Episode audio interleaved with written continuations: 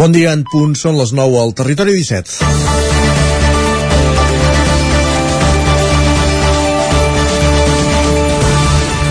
Ara ja podem posar xifres a aquella tendència detectada durant la pandèmia de veïns de ciutats grans o nuclis de població que arran del primer confinament buscaven un habitatge més gran i més a prop de la natura en petits pobles. I és que en el darrer any la població en comarques com Osona o el Ripollès ha continuat creixent, però no ho ha fet en els grans nuclis de població com bé com Manlleu, que han patit una lleugera disminució d'habitants, sinó en pobles més petits. En percentatge, a Osona, els pobles que més han crescut són Rupit i Pruit, Espinelves i el Brull, una llista on caldria afegir-hi Ceba, que en termes absoluts ha guanyat tants habitants com Torelló, 152. Són pobles amb una característica comuna i abunden les segones residències i molts dels seus propietaris els que han, el que han fet és empadronar-s'hi. Tal com apunta el geògraf i alcalde de Molló, Pep Coma, molts obeixen el perfil de jubilats entre 65 i 70 anys que fan estades més llargues en entorns rurals que a les ciutats. A l'altra banda de l'estadística hi ha, com dèiem, Vic i Manlleu, que han vist reduïda la seva població entre 111 i 108 habitants respectivament, situant-se en els 47.630 i els 20.912 habitants. Per primera vegada en molts anys, el saldo entre altes i baixes en aquestes ciutats és negatiu. Comença el territori 17 a la sintonia d'Ona Codinenca, la veu de Sant Joan, Ràdio Cardedeu, Ràdio Vic, el 9 FM i el 9 TV. Territori 17, amb Isaac Moreno i Jordi Sunyer.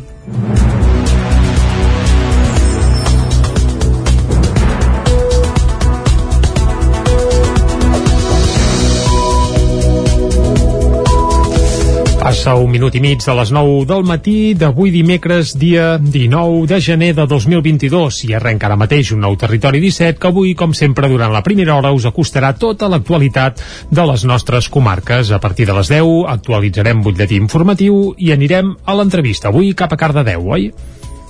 Correcte, obrirem primer el micròfon i parlarem amb I el seu alcalde, amb l'Enric Oliver, en companyia de l'Òscar Muñoz de Ràdio Televisió Cardedeu per parlar de la inauguració del memorial a les víctimes de la Guerra Civil. Més endavant, a dos quarts d'onze serà el moment de les piulades. Ens visitarà en Guillem Sánchez, que ja està vacunat eh, amb segona dosi. Ens ho va, vaja, ho vam seguir en directe per televisió fins i tot. Després repassarem portades del 99.cat, passarem per la taula de redacció i arribarà el moment de lletra ferits. Avui, des de la veu de Sant Joan, amb l'Isaac Muntades, per parlar amb, sobre el bandoler, el bandoler Sant Joaní Antoni Roca. I ho farem amb el professor d'Història Moderna de la Universitat de Barcelona i autor del llibre Antoni Roca, El capellà bandoler, publicat l'any 2011. Coneixerem la història d'aquest particular bandoler. Doncs la coneixerem cap a tres quarts d'onze. A les onze actualitzarem butlletí informatiu i després tocarà el territori sostenible amb en Jordi Givert. Des d'Ona Codinenca avui parlant de Stream for All. Es tracta d'una associació sense ànim de lucre que neix amb l'objectiu de promoure la col·laboració público-privada per promocionar les noves tecnologies entre l'alumnat de les escoles rurals. Les noves tecnologies i altres coses. En parlarem eh, avui, com dèiem, eh, al territori sostenible. I a la darrera mitja hora, com sempre, a dos quarts de dotze pujarem al tren, a la R3, a la Trenc d'Alba, i avui acabarem fent un repàs a l'agenda cultural per a aquest proper cap de setmana. A teatres, auditoris d'activitat n'hi ha molta, i a més és festa major d'hivern a molts indrets i racons també del territori 17. Això ho Doncs repassarem. cap allà que anirem. Exacte. Doncs això ho repassarem a la part final d'un programa que ara, com sempre, arrenca fent un repàs a l'actualitat de casa nostra, a l'actualitat de les comarques del Ripollès, Osona, el Moianès i el Vallès Oriental. Bye. El toc de queda nocturn s'acabarà aquest dijous. És l'única de les mesures vigents en les restriccions de la Covid-19 que el govern ha decidit retirar aquesta setmana. Finalitzarà, per tant, el confinament nocturn de la 1 a les 6 de la matinada, que en el cas d'Osona era vigent a Vic, Manlleu i Torelló, i a la resta del territori 17 a les ciutats de més de 10.000 habitants. Les altres mesures, entre les quals la limitació de les reunions socials a 10 persones, la reducció d'aforaments a la restauració o la cultura i el tancament de l'oci nocturn, es mantindran. Com a mínim serà una setmana més, ja que el període de revisió de les mesures ara passarà de ser quinzenal a ser setmanal. El govern també descarta modificacions en l'ús del certificat Covid. Segons la portaveu del govern, Patricia Plaja, els indicadors encara no permeten afirmar que s'hagi arribat al pic de contagis de la sisena onada.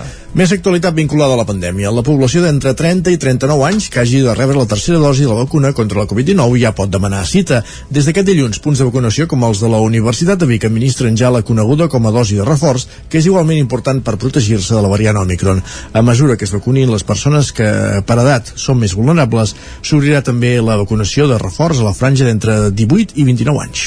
Aquesta setmana s'han tornat a veure cues de nou al punt de vacunació de la Universitat de Vic, on des d'aquest dilluns també s'administren dosis de reforç contra la Covid a persones d'entre 30 i 39 anys. És el cas, per exemple, de l'Andreu que ja estava oberta la vacunació per la nostra franja d'edat i ho vaig fer al moment per un tema personal, que si no m'oblido de les coses després i, van passant els dies, i per altra banda perquè també volia aquesta tercera dosi de, de protecció, no? que eh, esperem que se'ns posi bé, veurem els efectes secundaris, però fa molta més por el virus que no pas qualsevol dels efectes secundaris que pugui tenir això. Salut anima la població a demanar cita i a no quedar-se sense la tercera dosi. La protecció davant la Covid-19 continua sent necessària, malgrat que en general la variant Omicron no genera tantes complicacions i sol presentar símptomes més lleus. Hi ha oferta de vacunes per a la dosi de reforç, però sembla que el ritme de demanda és inferior respecte a la primera o segona dosi. Ima Cervós és la gerent del Servei Català de la Salut a la Catalunya Central. Costa perquè també ens ha coincidit amb una època doncs d'hivern, de refridats, doncs gent que té patologia i no se la pot posar perquè està afectada poder per la Covid i també perquè hi ha unes vacances al mig. Esperem que ara aquesta segona quinzena de gener la gent s'animi i sobretot recordem la importància de vacunar-se tot i que tenim una Omicron que l'estem dient que és més lleu però també és més lleu perquè tenim una alta població vacunada L'estratègia de vacunació se centra en poder garantir que les persones que per edat són més vulnerables tinguin més facilitats per trobar cita. Encara no hi ha un termini fixat per obrir la tercera dosi al col·lectiu d'entre 18 i 29 anys. Salut, però, treballa amb la previsió que durant aquest mes de gener el ritme de contagis segueixi creixent. Imma Cervós. Tenim un risc de rebrot que supera els 4.000 i això vol dir que tenim molta transmissió comunitària, tenim una activitat molt oberta, tenim quasi tot obert i per tant hi ha alta, alta interacció social social i entenem que estem encara amb dates amb un, el, tot el gener podríem pujar. Poder finals de gener meseta estabilització. Això és el que nosaltres estem esperant. Salut ha administrat també unes 2.000 dosis de la vacuna de la Covid a infants d'Osona completant totes les cites que en aquest sentit hi havia disponibles. Si ahir explicàvem que les farmàcies de Mollà alerten que estan desbordades i no poden sumar-se al programa TAR, avui trobem que les farmàcies de Sant Feliu de Codines es troben en la mateixa situació i que segurament és replicable en, molt punts, en molts punts del territori 17. Jordi Givert, des d'Ona Codinenca. A Sant Feliu hi ha dues farmàcies i cap de les dues pot assumir aquest volum de feina de les farmàcies TAR. Des de les farmàcies ens comenten que estan saturats de feina i que el personal del que disposen no pot assumir aquesta responsabilitat. Enrique González, de farmàcia González García, explicava que no té prou personal per ser una farmàcia TAR. Nosaltres treballem tots els dies de la setmana, de dilluns a diumenge, i són quatre persones. És que no, no, ha, no, no pot ser, jo, i la gent que tinc de festa, ni que d'anar de festa. I per tant, en quatre persones, els caps de setmana, olvídate d'ells, perquè els caps de setmana, divendres i diumenge, queden dues persones soles. Uh -huh. Luego tienes que tener una persona de cuatro, tienes que tener una persona dedicada a eso, con el traje de seguridad y toda la seguridad del món, ¿vale? Uh -huh. Y ya te quedan tres. La gent té que fer festa. És impossible. La situació es repeteix a l'altra farmàcia del poble. González reivindicava que han fet mans i mànigues des de l'inici de la pandèmia. Uh -huh. Totes les comandes que no feien, que es trobaven per telèfon durant la, a principi de la pandèmia i tot això, que la gent no sortia de casa, nosaltres se dedicaban a hacer comandas, tenía una persona dedicada con el coche a repartir. Uh -huh. I nosaltres no han cobrat un cèntim. Nosaltres hem fet per la gent del poble, gent gran que no pot sortir de carrer o gent que se troba malament, i ho fem. Uh -huh. Però aquesta, aquest volumen de feina de, de, no, no lo podem assumir. Segons les farmàcies de Sant Feliu, ens explicaven que des de l'esclat de la pandèmia el volum de feina ha augmentat entre un 15 i un 20% entre un 15, sí, 15, un 15, un 20%, sí, un 15 o 20%, sí. Uh -huh. Clar, és molta feina, eh? Uh -huh. Que quan va començar la pandèmia aquí, la cua arribava, arribava a la plaça. Uh -huh. I fines de setmana en dues persones, en dues persones, que no podien ni anar al servei. A la zona, Mollà i Sant Feliu de Codines són els municipis sense farmàcia TAR. En canvi, Caldes, Castellterçol, Castellcí, l'Estany i Vigues i Riells del Fai disposen com a mínim d'una farmàcia TAR. La setmana passada es feia públic l'acord entre Esquerra, que governa minoria, i la CUP, que està a l'oposició, per aprovar el pressupost a l'Ajuntament de Torelló. Ja s'ha fet el ple extraordinari i aquests dos grups són els únics que hi han donat suport. Les altres dues formacions del consistori, Junts per Catalunya i el PSC, van votar-hi en contra. Els vots favorables dels set regidors d'Esquerra Junts per Torelló i dels cinc de la CUP Torelló Som Poble van servir per aprovar el pressupost de l'Ajuntament de Torelló per aquest 2022 en el ple extraordinari fet via telemàtica dilluns al vespre. El pressupost puja a 21.383.000 euros a causa de l'increment dels pagaments a compte de l'Estat en el context de pandèmia. L'equip de govern en destaca la quantitat global i també la partida destinada a inversions, que és de 6 milions i mig d'euros. Entre les més quantioses, un milió i mig per al Centre Cultural del Club, un milió per a millores d'asfaltat, aigua, clavegram i llum i 300.000 euros per la reforma de la nau dels carrossaires i el projecte de l'Escola de Carrossaires que hi ha d'anar adjunt. Escoltem per aquest ordre a l'alcalde de Torelló, Marçal Ortuño, i a Jordi Casas, de la CUP Torelló Som Poble. És un esforç bastir un pressupost expansiu i alhora prudent, que cobreixi totes les àrees d'actuació desitjades i que permeti atendre les necessitats de les persones, de les empreses, dels comerços i de les entitats. Però encara és més difícil aconseguir d'executar-lo i fer que totes aquestes previsions que recull es compleixin durant l'exercici. Totes i cada una tenen la voluntat política com a motor vertebrador de política transformadora. Per nosaltres no es tracta de fer projectes estrelles que valen molts diners i volen moltes tutxanes i tones de formigó. Ens importa més que hi hagi un bon projecte en el contingut i no tant en el continent. L'equip de govern remarcava que s'havia reunit amb tots els grups per tractar sobre el pressupost. Junts per Catalunya i el PSC, però, hi van votar en contra. Junts perquè no s'ha incorporat cap de les vuit propostes que van presentar i el PSC, que havia facilitat l'aprovació del pressupost l'any passat, per manca de confiança en el govern d'Esquerra. D'Esquerra, volem dir. Escoltem a Jordi Rossell de Junts i a Joan Carmona del PSC. Des del nostre grup tenim la sensació que les reunions han sigut només per simple cortesia i que no fos dit que no s'havien reunit amb tothom. Segurament que és, és bo per Torelló. Hi ha coses com els assumptes socials que, que tiren molt endavant i està, i està molt bé, però nosaltres votarem en contra per la manca de confiança que tenim ara amb l'equip de govern. El pressupost de Torelló s'ha treballat en tres grans eixos. El primer, la part social, que inclou la gestió directa de l'Escola de Música a partir del curs que ve, o també ajuts d'urgència social. El segon, l'eix d'ecotransició i sostenibilitat, amb la creació de l'Oficina d'Eficiència Energètica o una instal·lació fotovoltaica a la zona esportiva. I finalment, l'eix de feminisme i civisme, amb les bases per la posada en marxa d'un espai feminista, accions i campanyes de prevenció d'actes incívics o l'adquisició de càmeres unipersonals pels agents de la policia local.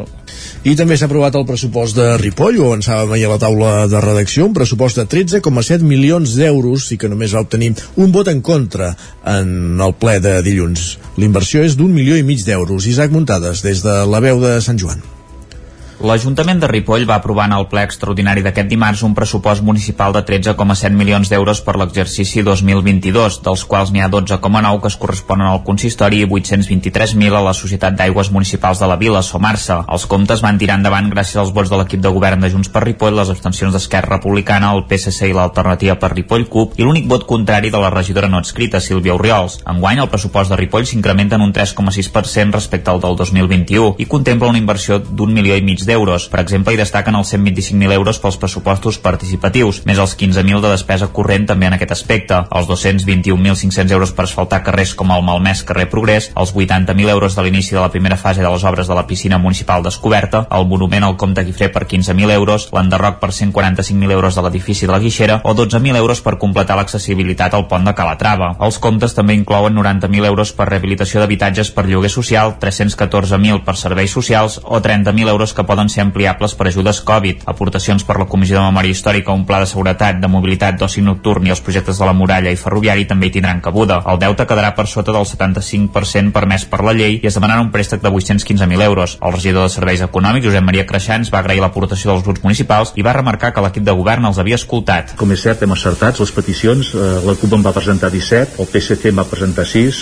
Esquerra Republicana en va presentar 11 i la regidora Silvia Oriols no en va presentar cap, per tant no se li ha contestat. No estic d'acord d'acord amb el senyor Enric Pérez. Les propostes s'estudien, la, la major part de propostes no es diuen sí per sí, sinó que la major part d'aquestes propostes ja venen d'un seguiment de propostes que venen de, de, de bastants anys. En aquest cas, d'aquestes 34 propostes, el pressupost amb més o menys import, hi ha 31 propostes que estan incloses. Tots els grups van agrair el tarannà dialogant de Creixans i la regidora republicana Chantal Pérez va dir que el pressupost els agradava força i de les propostes que van presentar va destacar aquelles que creien que no s'havien acabat d'acceptar del tot. D'altres, com són la dignificació de la plaça de la Lira, potenciar entitats i cultures, i d'altres se'ns ha dit que s'estava treballant, i en el tema de les plaques solars als edificis municipals també se'ns ha dit que s'hi estava treballant, però no tenim res concretament. En aquest sentit sí que volem posar de manifest que amb el fons Next Generation doncs ja s'estan presentant una sèrie de projectes. El portaveu del PSC, Enric Pérez, trobava a faltar la coherència a la part d'ingressos perquè augmentava la previsió de cobrament d'impostos, però no la de la recaptació de la majoria d'activitats esportives, lúdiques i culturals. Tot i veure molt bé les despeses, també va llançar un avís. Que vinga, festa major, tot el que hem demanat als grups, ho incloïem tot, no? I en canvi no tenim en compte que els recursos humans d'aquesta casa són els que són, que anem, doncs estem al gener, per tant aprovarem aquest pressupost entre exposició pública, entrarà en vigència el mes vinent, anant bé, i que ja a l'agost que fem vacances, i que per tant el temps per executar tot el que arriba a contemplar aquest pressupost ens fa ser escèptics sobre els nivells de compliment que tindrà aquest pressupost. El portaveu Copaire, Aitor Carmona, també va trobar que eren uns pressupostos que no els hi desagradaven perquè les mesures proposades hi eren totes recollides en major o menor mesura, però hi faltava que s'expliqués el com.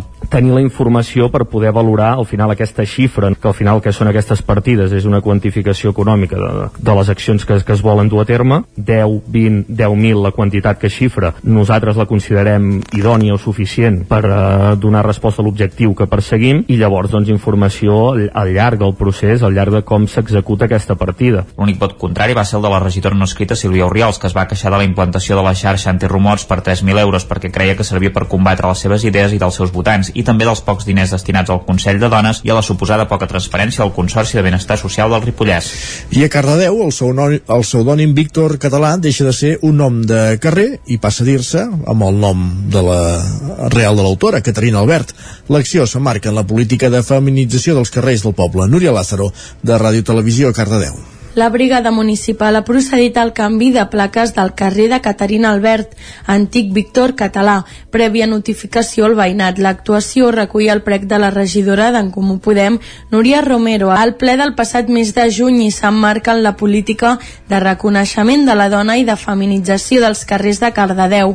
En aquest context, el mes de novembre es va canviar el nom d'un altre carrer, l'actual de Lluís Auller, en reconeixement a la tasca altruista i generosa d'Uller i en compliment compliment de la llei de memòria històrica.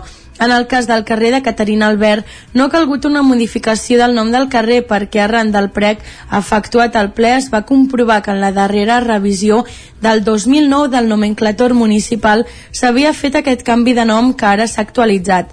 A les noves plaques ceràmiques ara es pot llegir carrer de Caterina Albert, Víctor Català, escriptora 1869-1966. Gràcies, Núria. Acabem aquí aquest repàs informatiu que començàvem a les 9, que hem fet en companyia de Núria Lázaro, Isaac Muntada, Jordi Givert i Jordi Sunyer. Moment de conèixer la previsió del temps. I això vol dir que saludem en Pep Acosta.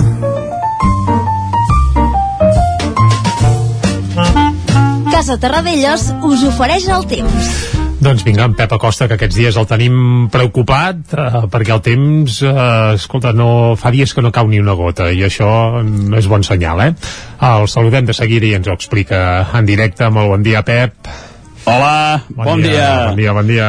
Ja estem aquí, I tant, i més, uh -huh. a la informació meteorològica, dominada des de fa setmanes, des de fa dies, per un enorme anticicló situat a tota l'Europa occidental.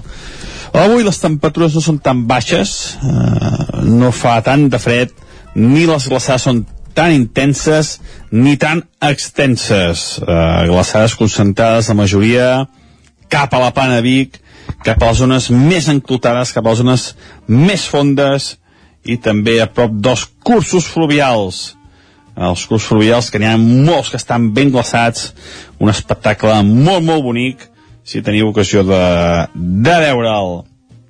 Però continuem amb aquest mateix panorama, aquest anticicló, que no hi ha manera que se'n vagi, no hi ha manera que es debiliti, i en tenim per forces dies.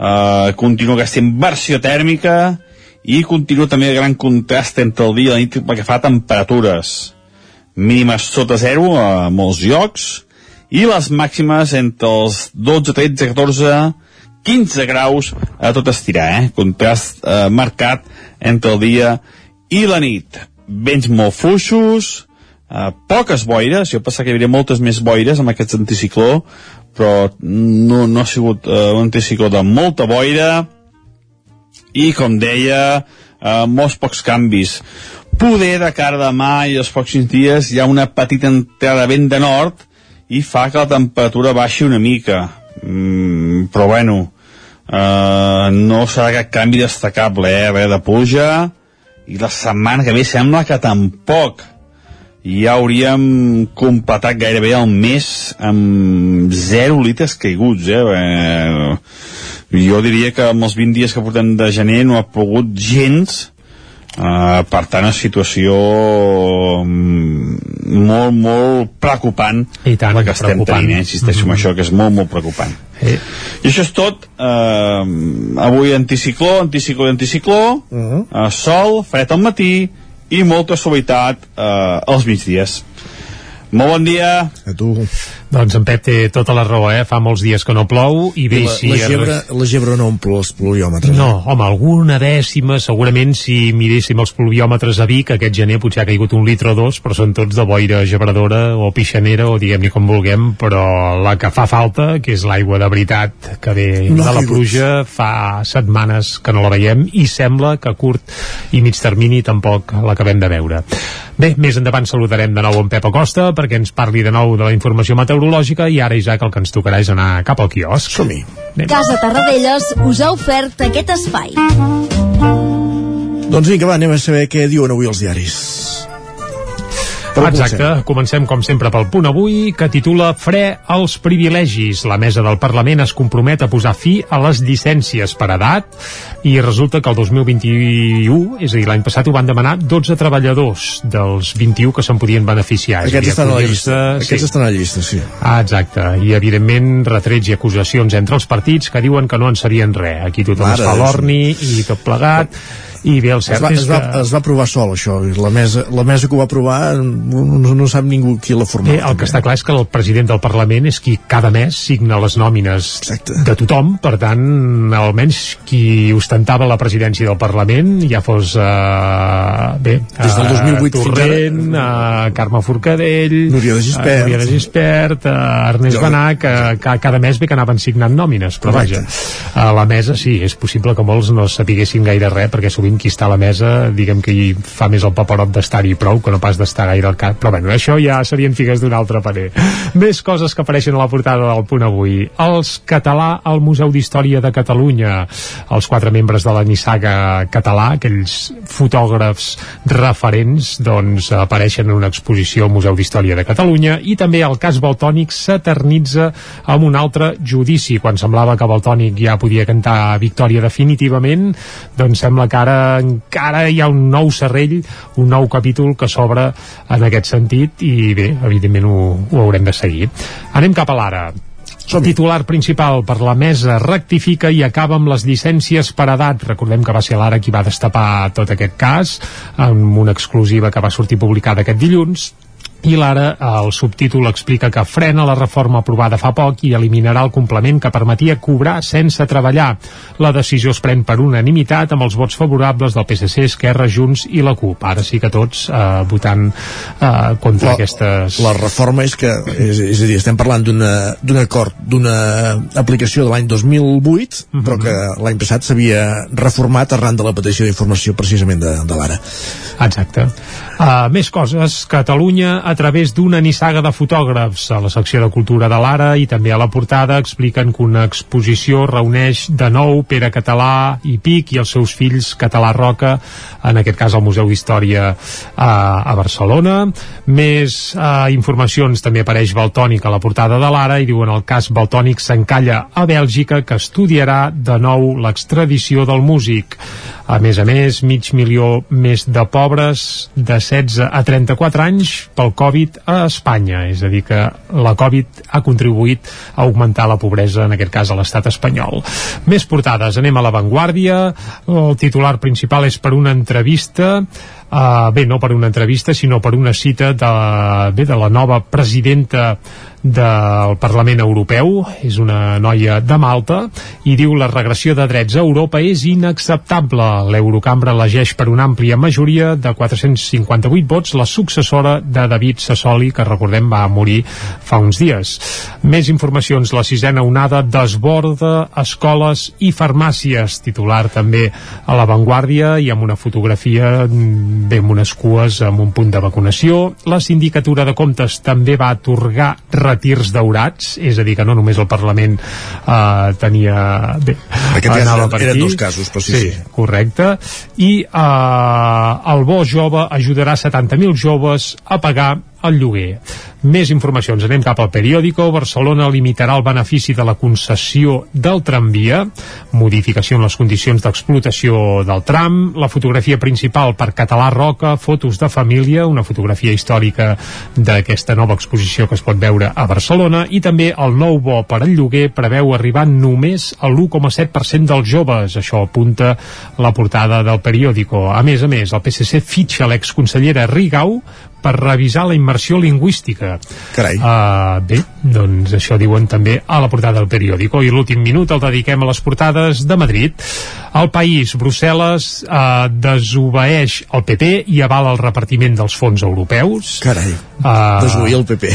Sí, no, no, no sé per on s'ha d'agafar, però vaja, ras i curt. Uh, cinc autonomies porten a les escoles plans contra el suïcidi, també a la portada del país. Anem cap al Mundo mor Gento, la llegenda de la Copa d'Europa, un exfutbolista del Real Madrid que va col·leccionar Copes d'Europa en uns anys, Sí. això sí, que, Sí, sí. que bé, les guanyaven com xurros. Les té totes, sí. També Espanya pot perdre 30 anys d'èxit amb l'automòbil, això eh, apareix també a la portada del Mundo. A l'ABC Plus Ultra estava en causa de dissolució un mes abans de ser rescatada pel govern eh, i adeu a Pablo Gento, el ciclo que va conquerir Europa.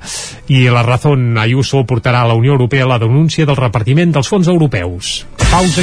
El nou FM, la ràdio de casa, al 92.8. Vine a Autoscola Montseny. Ara és el moment de fer els cursos de teòrica intensius, ràpid i eficaç.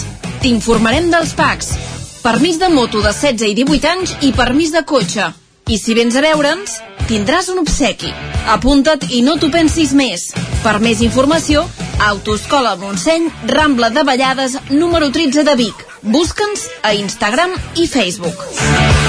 Això és el que s'escolta al voltant d'una caldera saunia d'Oval. Tranquilitat i benestar, perquè gaudeix del millor manteniment del servei tècnic oficial per estar despreocupat. O el que vulgui. Informis a Oficiat Nord trucant al 938860040. Saunia d'Oval, sempre al seu costat. Mmm, quan fa que no menges pluma ibèrica de Salamanca i xuletilles de lechal a la brasa amb una bona amanida? Oh, ¿y un chuletón de vedella gallega? ¿O lechazo de Castilla al forn? Ah, i botillo del Bierzo amb cachelos i col? Ei, i cochinillo a l'estil de Segovia, i tot acompanyat d'un bon celler. Oh, i uns bons serranitos de pollastre, de llom, d'hamburguesa, del que tu vulguis. Per menjar la millor cuina de Lleó sense moure't de casa, vine a El Racó de León. Fem cuina tradicional lleonesa i de mercat. Vine amb la família, amb els amics, amb la parella o sol. T'encantarà. El racó de León. Som al carrer Torelló 35 de Vic. Reserves 93 889 1950. Tanquem els dimarts. El racó de León. Vine a tastar una cuina diferent. Cobertes serveis funeraris. Els nostres tanatoris estan ubicats en els nuclis urbans més poblats de la comarca d'Osona per oferir un millor servei. Tanatori de Vic, Tanatori de Manlleu, Tanatori de Centelles i Tanatori de Roda de Ter. Sabem que són moments difícils i per això el nostre compromís és atendre-us en tot moment amb un tracte humà, sensible i respectuós. Cobertes serveis funeraris. Telèfon 24 hores 93 883 23 46. Cocodril Club. Si t'agrada la bona música dels anys 60, 70 i 80, escolta el 9 FM als matins de dissabtes i diumenges d'11 a 1. És el temps del Cocodril Club, tot un clàssic de la ràdio, amb les bases del pop-rock, les llegendes, les cançons que s'han convertit en autèntics himnes. Recorda, dissabtes i diumenges al matí, d'11 a 1, al 9 FM 92.8. Cocodril Club, el programa revival de l'Albert Malla. Hasta luego, Anuncia't al 9FM. La màquina de casa. 9 3 8 8 9 4 9 4 9 Publicitat arroba al 9FM.cat. Anuncia't al 9FM. La publicitat més eficaç. El 9FM. El 9FM. El 9FM. A punt dos quarts de 10 al territori 17. Territori 17, amb Isaac Moreno i Jordi Sunyer.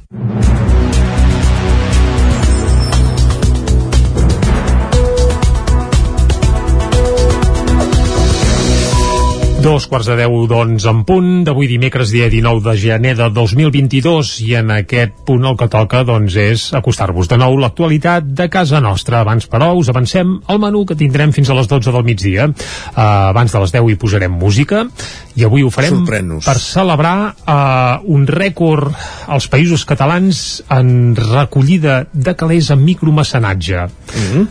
Uh, no expliquem res més, va, va, però ja avancem que hi ha un músic nostrat amb arrels uh, també per aquí al territori 17, ara ja no però els, les va arribar no, a tenir Les, les arrels les tenia al Penedès, sí. en tot cas. Bé, Clar. va tenir Santa Eulàlia de Riu primer, però diguem que ha fet un rècord a l'hora de recollir uh, diners pel micromecenatge i per editar un nou disc que sortirà, això sí, a la tardor, per tant encara falta força, però després tots els detalls, va, abans de les 10. A les 10, més informació i després, Isaac, a l'entrevista anirem cap a Cardedeu, oi? Per parlar amb el seu alcalde, amb Enric Oliver, parlarem sobre la inauguració del memorial a les víctimes de la Guerra Civil.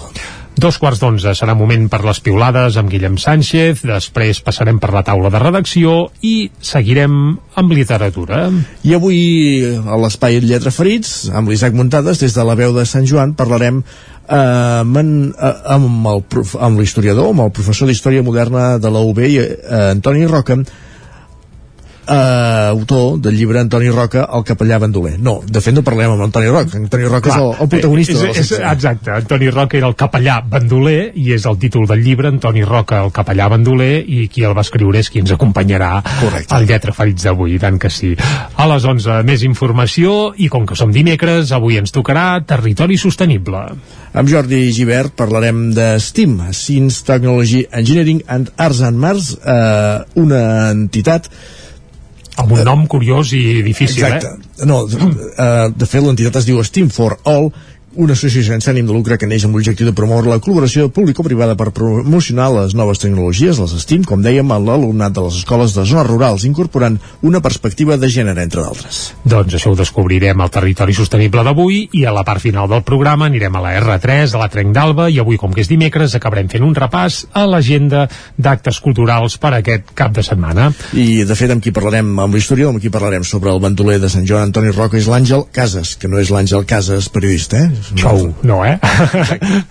Molt bé, doncs ara que ja estem situats, seguim i seguim acostant-vos de nou, com sempre, a l'actualitat de casa nostra, l'actualitat de les comarques del Ripollès, Osona, el Moianès i el Vallès Oriental.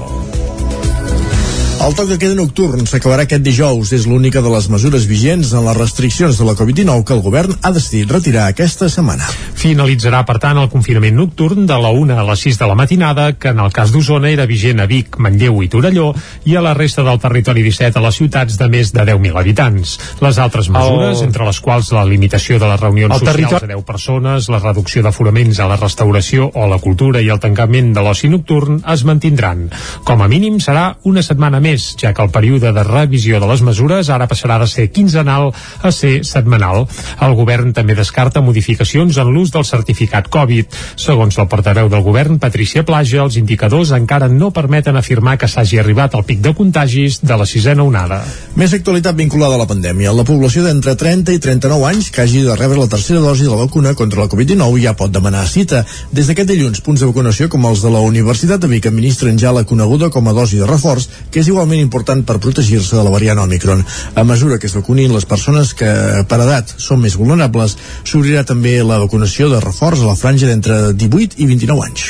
Aquesta setmana s'han tornat a veure cues de nou al punt de vacunació de la Universitat de Vic, on des d'aquest dilluns també s'administren dosis de reforç contra la Covid a persones d'entre 30 i 39 anys. És el cas, per exemple, de l'Andreu que ja estava oberta la vacunació per a la nostra franja d'edat i ho vaig fer al moment per un tema personal, que si no m'oblido de les coses després i van passant els dies, i per altra banda perquè també volia aquesta tercera dosi de, de protecció, no? que eh, esperem que se'ns posi bé, veurem els efectes secundaris, però fa molta més por el virus que no pas qualsevol dels efectes secundaris que pugui tenir això. Salut anima la població a demanar cita i a no quedar-se sense la tercera dosi. La protecció davant la Covid-19 continua sent necessària, malgrat que en general la variant Omicron no genera tantes complicacions i sol presentar símptomes més lleus. Hi ha oferta de vacunes per a la dosi de reforç, però sembla que el ritme de demanda és inferior respecte a la primera o segona dosi. Ima Cervós és la gerent del Servei Català de la Salut a la Catalunya Central. Costa perquè també ens ha coincidit amb una època doncs d'hivern, de refridats, doncs gent que té patologia i no se la pot posar perquè està afectada poder per la Covid i també perquè hi ha unes vacances al mig. Esperem que ara aquesta segona quinzena de gener la gent s'animi i sobretot recordem la importància de vacunar-se tot i que tenim una Omicron que l'estem dient que és més lleu però també és més lleu perquè tenim una alta població vacunada. L'estratègia de vacunació se centra en poder garantir que les persones que per edat són més vulnerables tinguin més facilitats per trobar cita. Encara no hi ha un termini fixat per obrir la tercera dosi al col·lectiu d'entre 18 i 29 anys. Salut, però, treballa amb la previsió que durant aquest mes de gener el ritme de contagis segueixi creixent. Imma Cervós. Tenim un risc de rebrot que supera els 4.000 i això vol dir que tenim molta transmissió comunitària, tenim una activitat molt oberta, tenim quasi tot obert i per tant hi ha alta, alta interacció social social i entenem que estem encara amb dates amb un, el, tot el gener podríem pujar. Poder finals de gener meseta estabilització. Això és el que nosaltres estem esperant. Salut ha administrat també unes 2.000 dosis de la vacuna de la Covid a infants d'Osona completant totes les cites que en aquest sentit hi havia disponibles. Sí, ahir explicàvem que les farmàcies de Mollà alerten que estan desbordades i no poden sumar-se al programa TAR. Avui trobem que les farmàcies de Sant Feliu de Codines es troben en la mateixa situació i que segurament és replicable en, molt punts, en molts punts del territori 17. Jordi Givert, des d'Ona Codinenca. A Sant Feliu hi ha dues farmàcies i cap de les dues pot assumir aquest volum de feina de les farmàcies TAR. Des de les farmàcies ens comenten que estan saturats de feina i que el personal del que disposen no pot assumir aquesta responsabilitat. Enrique González, de Farmàcia González García, explicava que no té prou personal per ser una farmàcia TAR. Nosaltres treballem tots els dies de la setmana, de dilluns a diumenge, i som quatre persones. És que no, ha, no, no pot ser, jo, i la gent que tinc de festa, ni que d'anar de festa. I per tant, en quatre persones, els caps de setmana, olvídate d'ells, perquè els caps de setmana, divendres i diumenge, se queden dues persones soles. Uh -huh.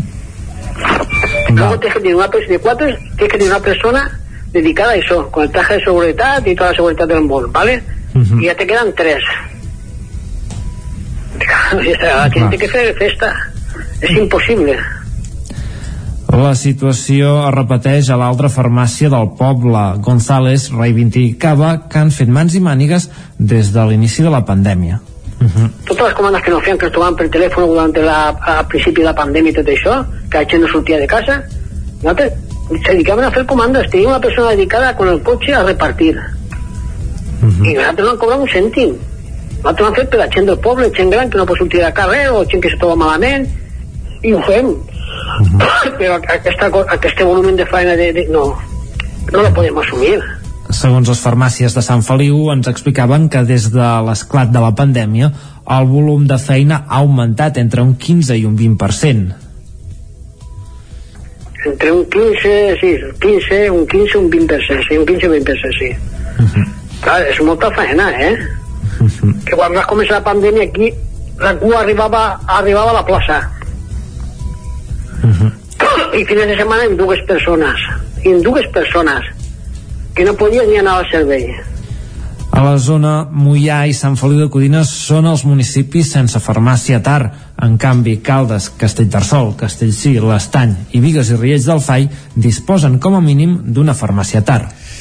La setmana passada es feia públic l'acord entre Esquerra, que governa minoria, i la CUP, que està a l'oposició, per aprovar el pressupost a l'Ajuntament de Torelló. Ja s'ha fet el ple extraordinari i aquests dos grups són els únics que hi han donat suport. Les altres dues formacions del consistori, Junts per Catalunya i el PSC, van votar-hi en contra. Els vots favorables dels set regidors d'Esquerra Junts per Torelló i dels cinc de la CUP Torelló Som Poble van servir per aprovar el pressupost de l'Ajuntament de Torelló per aquest 2022 en el ple extraordinari fet via telemàtica dilluns al vespre.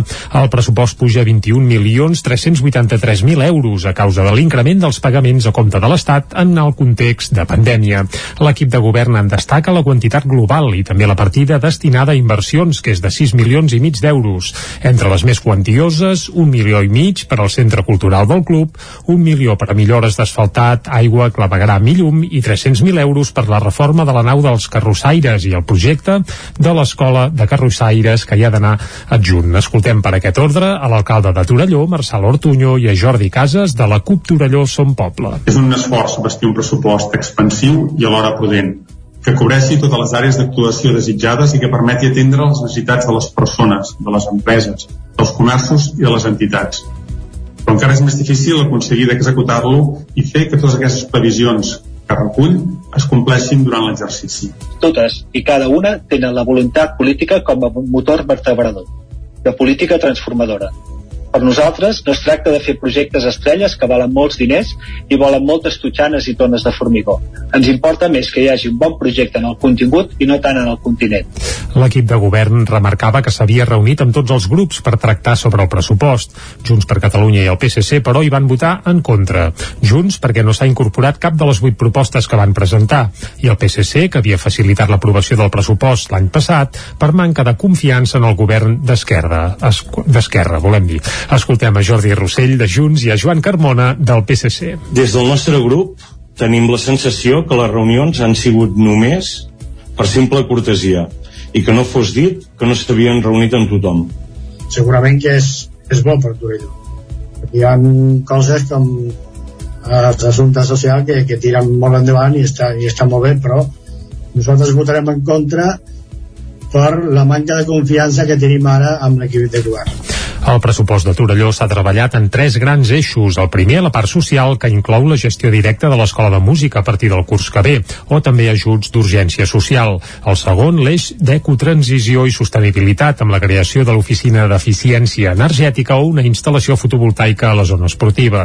I finalment, l'eix de feminisme i civisme, amb les bases per la posada en marxa d'un espai feminista, accions i campanyes de prevenció d'actes incívics o l'adquisició de càmeres unipersonals pels agents de la policia local.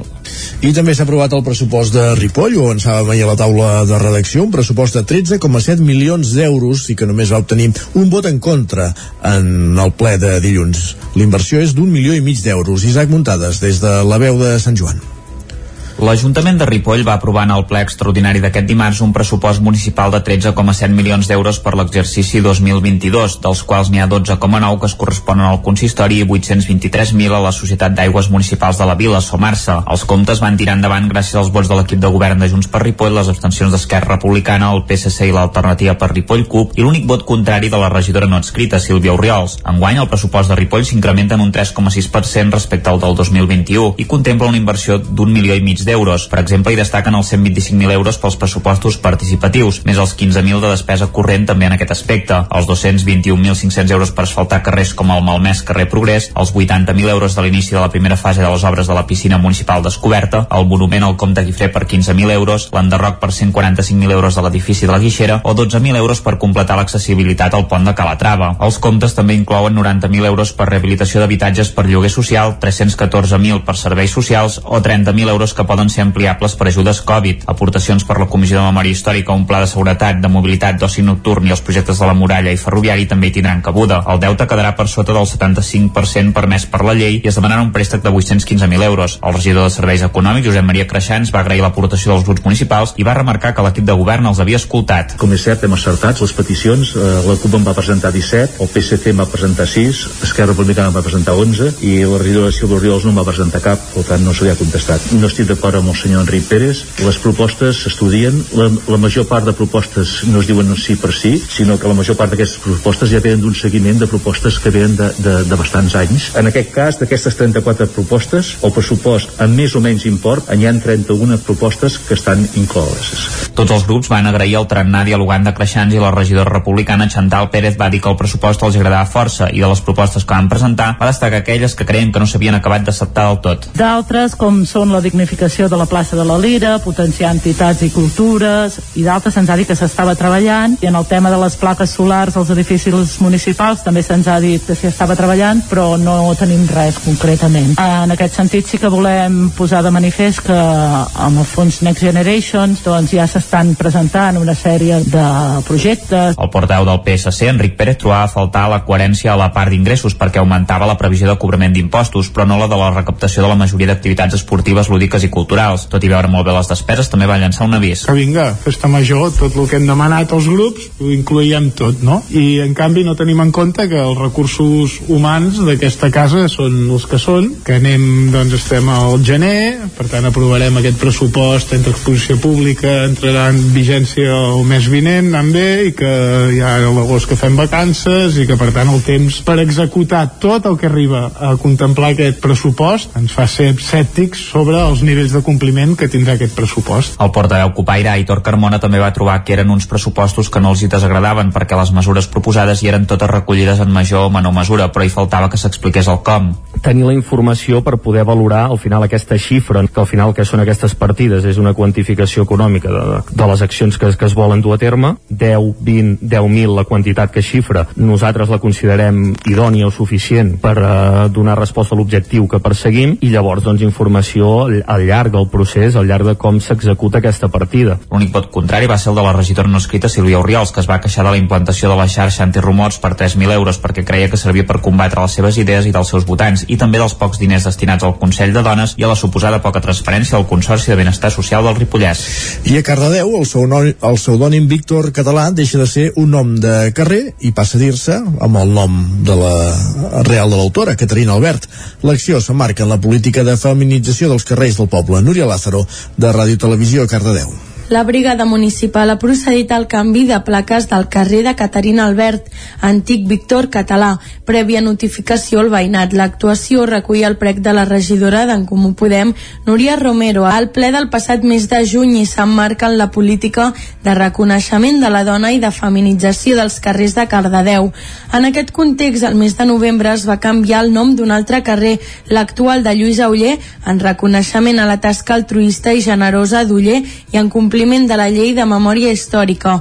En el cas del carrer de Caterina Albert, no ha calgut una modificació del nom del carrer perquè arran del prec efectuat al ple es va comprovar que en la darrera revisió del 2009 del nomenclator municipal s'havia fet aquest canvi de nom que ara s'ha actualitzat. A les noves plaques ceràmiques ara es pot llegir carrer de Caterina Albert, Víctor Català, escriptora 1869-1966. Gràcies, Núria. Acabem aquí aquest repàs informatiu que començàvem a les 9, que hem fet en companyia de Núria Lázaro, Isaac Muntada, Jordi Givert i Jordi Sunyer. Moment de conèixer la previsió del temps. I això vol dir que saludem en Pep Acosta.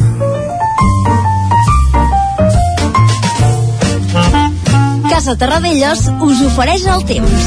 Doncs vinga, en Pep Acosta, que aquests dies el tenim preocupat, eh, perquè el temps, eh, escolta, no, fa dies que no cau ni una gota, i això no és bon senyal, eh? El saludem de seguida i ens ho explica en directe. Molt bon dia, Pep.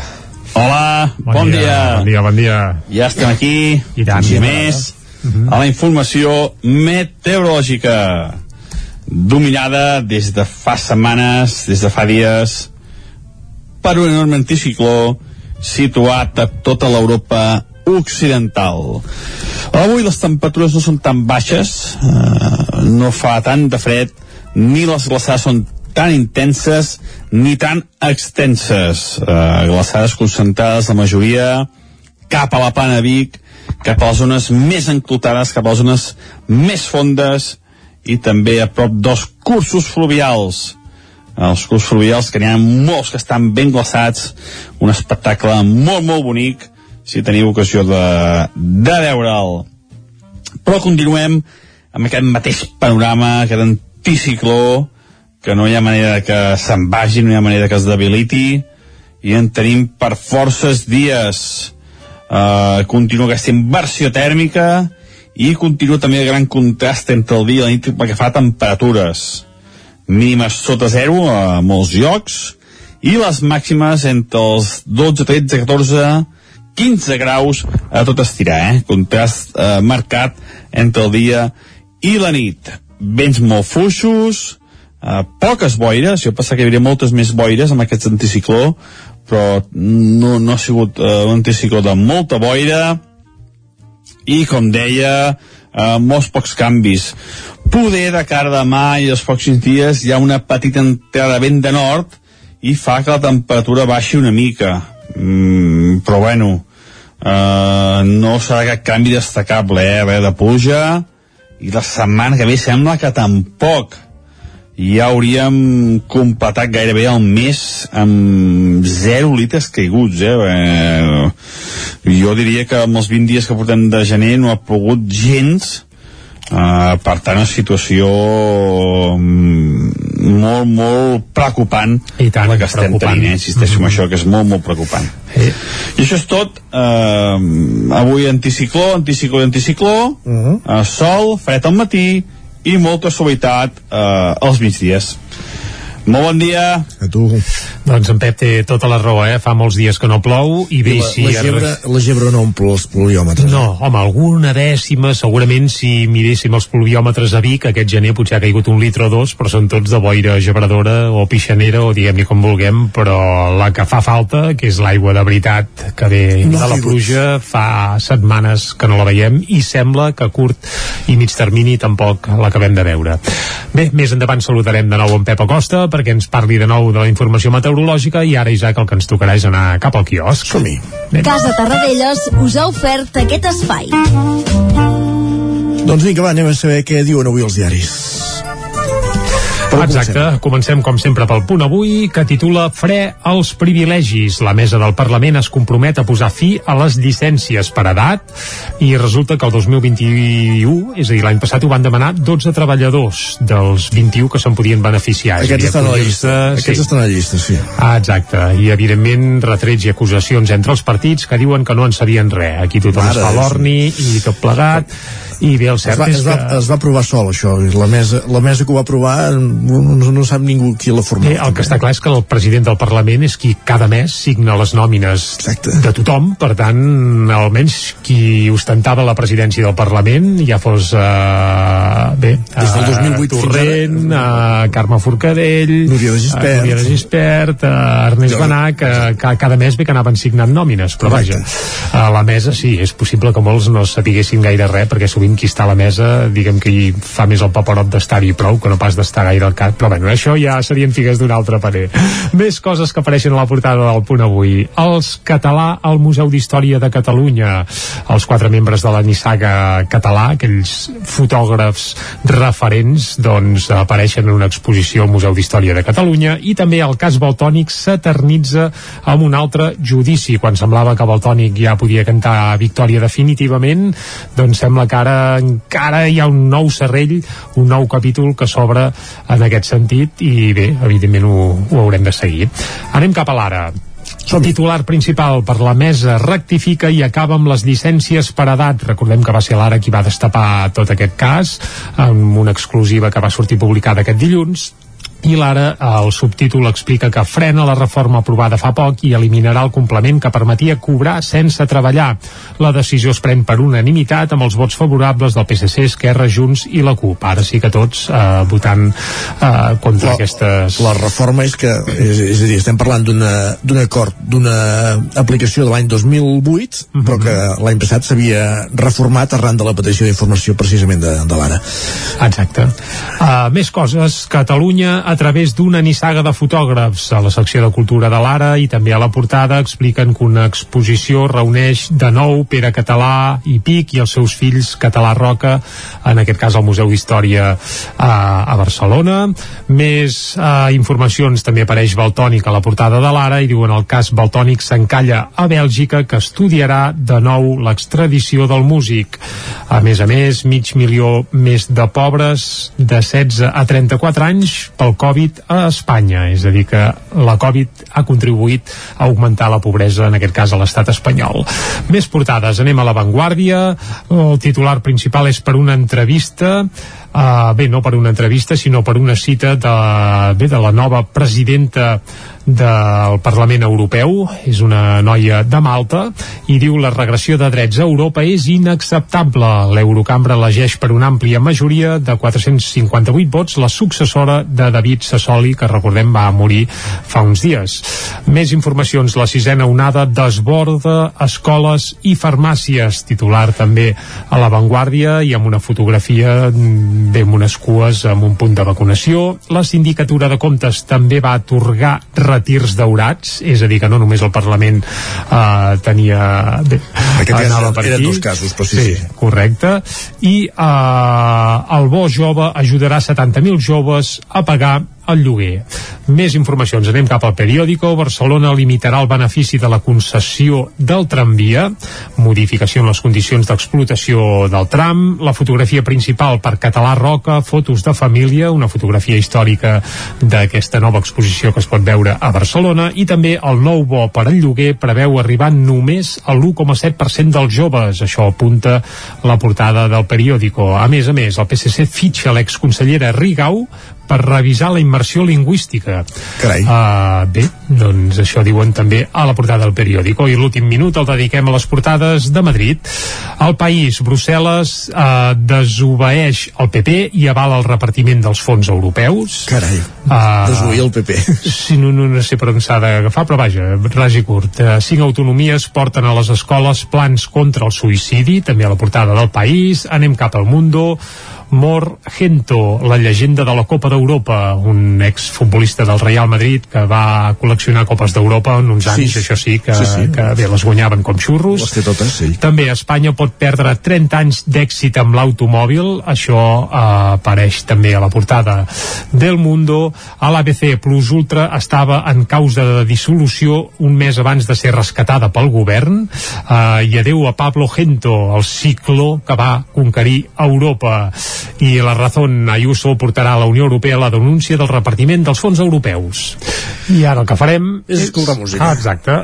I hem avançat abans que avui l'excusa és que Cesc Freixas, ja diem el seu nom, l'hem escoltat alguna vegada aquí a Territori 17, però abans d'ahir va acabar la campanya de micromecenatge que havia encetat fa 40 dies, eh, ho va fer a través de Verkami, aquesta plataforma de micromecenatge que normalment tu et planteges un objectiu de recollir, no sé, doncs eh, 10.000 euros, etc. Doncs el Cesc Freixas es havia plantejat un objectiu molt ambiciós, volia 15.000 euros per enregistrar el seu nou disc, un disc que es titularà Versos que es fan cançó, on musicarà els versos d'un poeta contemporani català, i quan diries que ha arribat a recollir els Cesc Freixas, Isaac? A cop d'ull, en demanava 15.000. Doncs va, 25.000.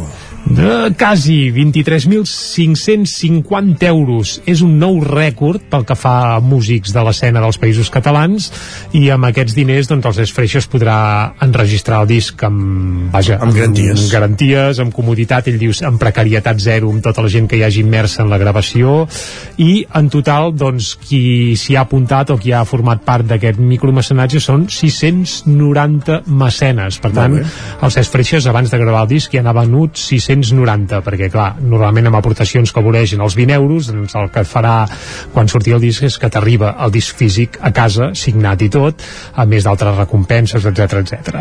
Dit això, doncs ara que ja coneixem qui ha fet el nou rècord de micromecenatge en l'àmbit dels països catalans, el que farem és escoltar Ma Llibertat, una de les peces del darrer disc de Cesc Freixes, que també es va poder tirar endavant gràcies a un micromecenatge. Aquell disc que es diu Memòria és del 2020 i això, escoltem Ma Llibertat, una de les peces que a mi més m'agrada de- d'aquell disc. Va, Doncs amb va, això, fins a les 10. Anem-hi. protegit si res m'ha cohibit, m'has curat les ferides.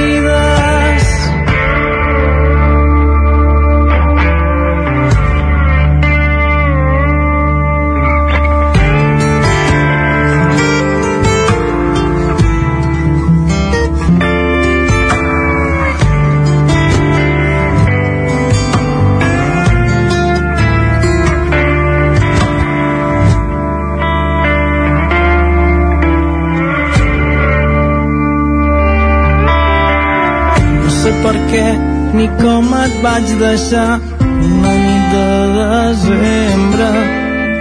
Aquells camins que tu i jo vam traçar ens queden molt enrere. Saps prou bé que he sofert per poder-te oferir el que més desitjaves.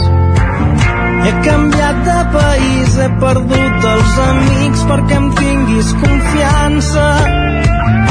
I va ser aquella nit, la nit que et vaig trair sent recel ni temença. Quan vaig perdre't de cop per aquest altre amor que ara em fa presonera.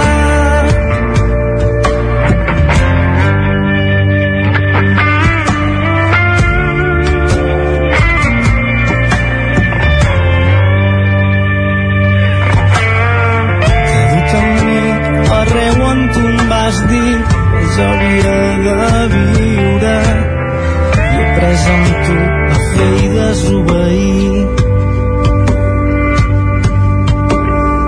per tal de ser més lliure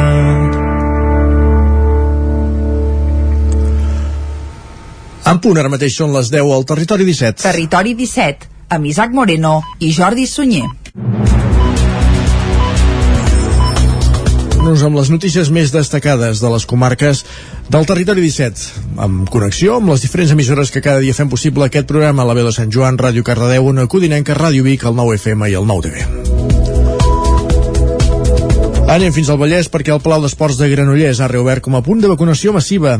Salut i l'Ajuntament garanteixen que al mateix temps es pugui mantenir l'agenda esportiva de l'equipament. Núria Lázaro, des de Ràdio Televisió, Cardedeu.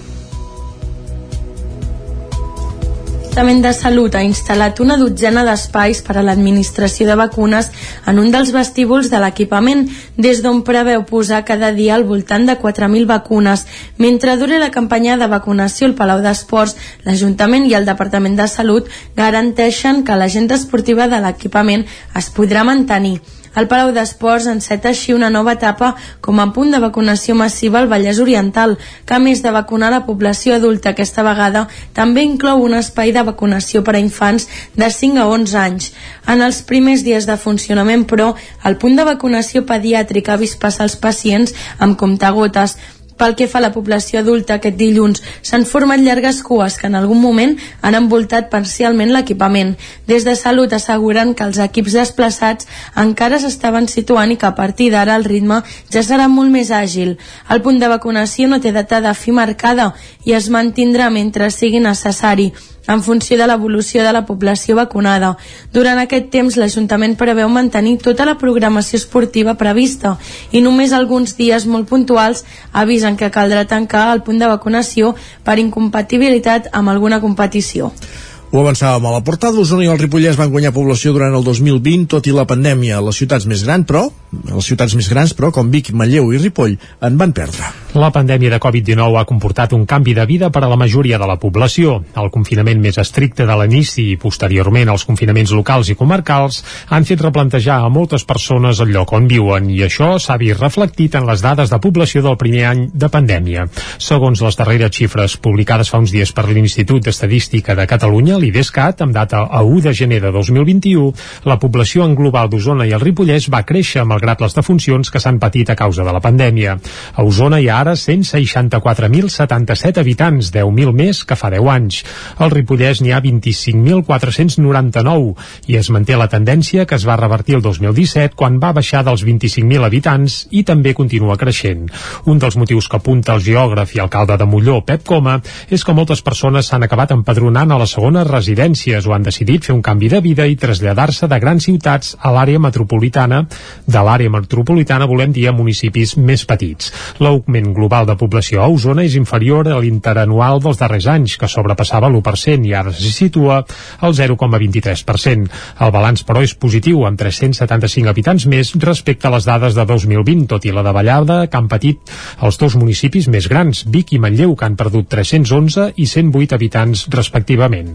En xifres absolutes, la crescuda més gran la tenen Torelló, amb 153 persones més, i Ceba, amb 152, encara que en percentatge els que han crescut més són Rupit i Pruit, Espinelves i el Brull. Al Ripollès el creixement relatiu és més elevat que Osona, amb el 0,78% i també es dona malgrat que Ripoll va perdre població, tot i que en el darrer padró es xifraven en 10.903 els habitants amb 182 persones pendents de renovació padronal.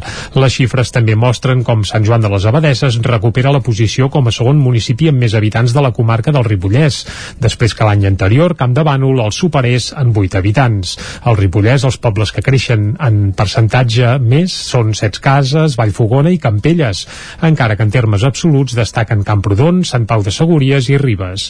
El perfil turístic també es dona en municipis d'Osona com Rupit, el que més creix o Ceba, on també hi havia moltes segones residències. Aquesta línia trenca amb el creixement dels darrers anys, que es donava sobretot als municipis més grans i més propers a les principals vies de comunicació com la C-17.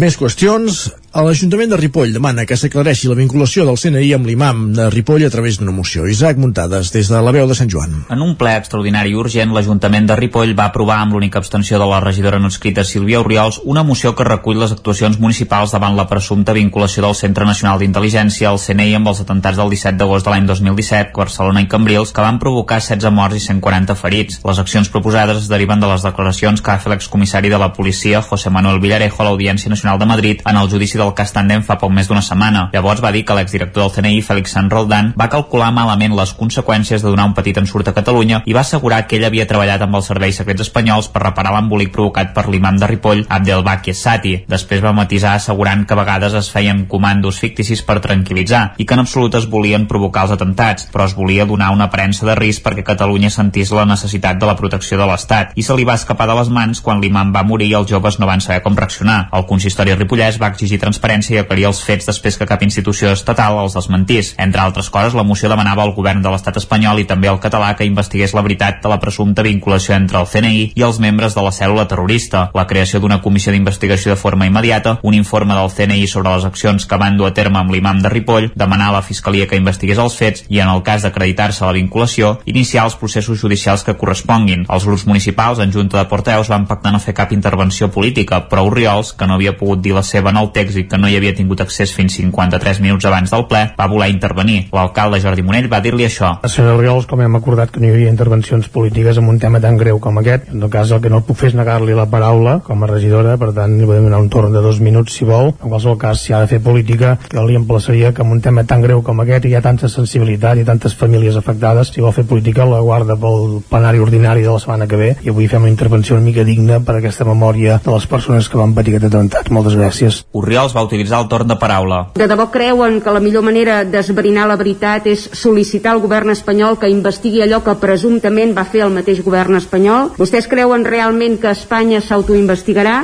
Que reconeixerà els fets, per l'amor de Déu. No creuen que és molt cínic que precisament vostès demanin una comissió d'investigació sobre la implicació del CNI? Vostès que han donat via lliure a la construcció de la nova macromesquita, que han permès que la gestionés la mateixa associació islàmica que va contractar un salafista radical per imam. La regidora també va demanar a l'Ajuntament que creés una comissió d'investigació per aclarir si l'associació islàmica Nur havia permès que Abdelbaki Sati fes prèdiques radicals a la mesquita.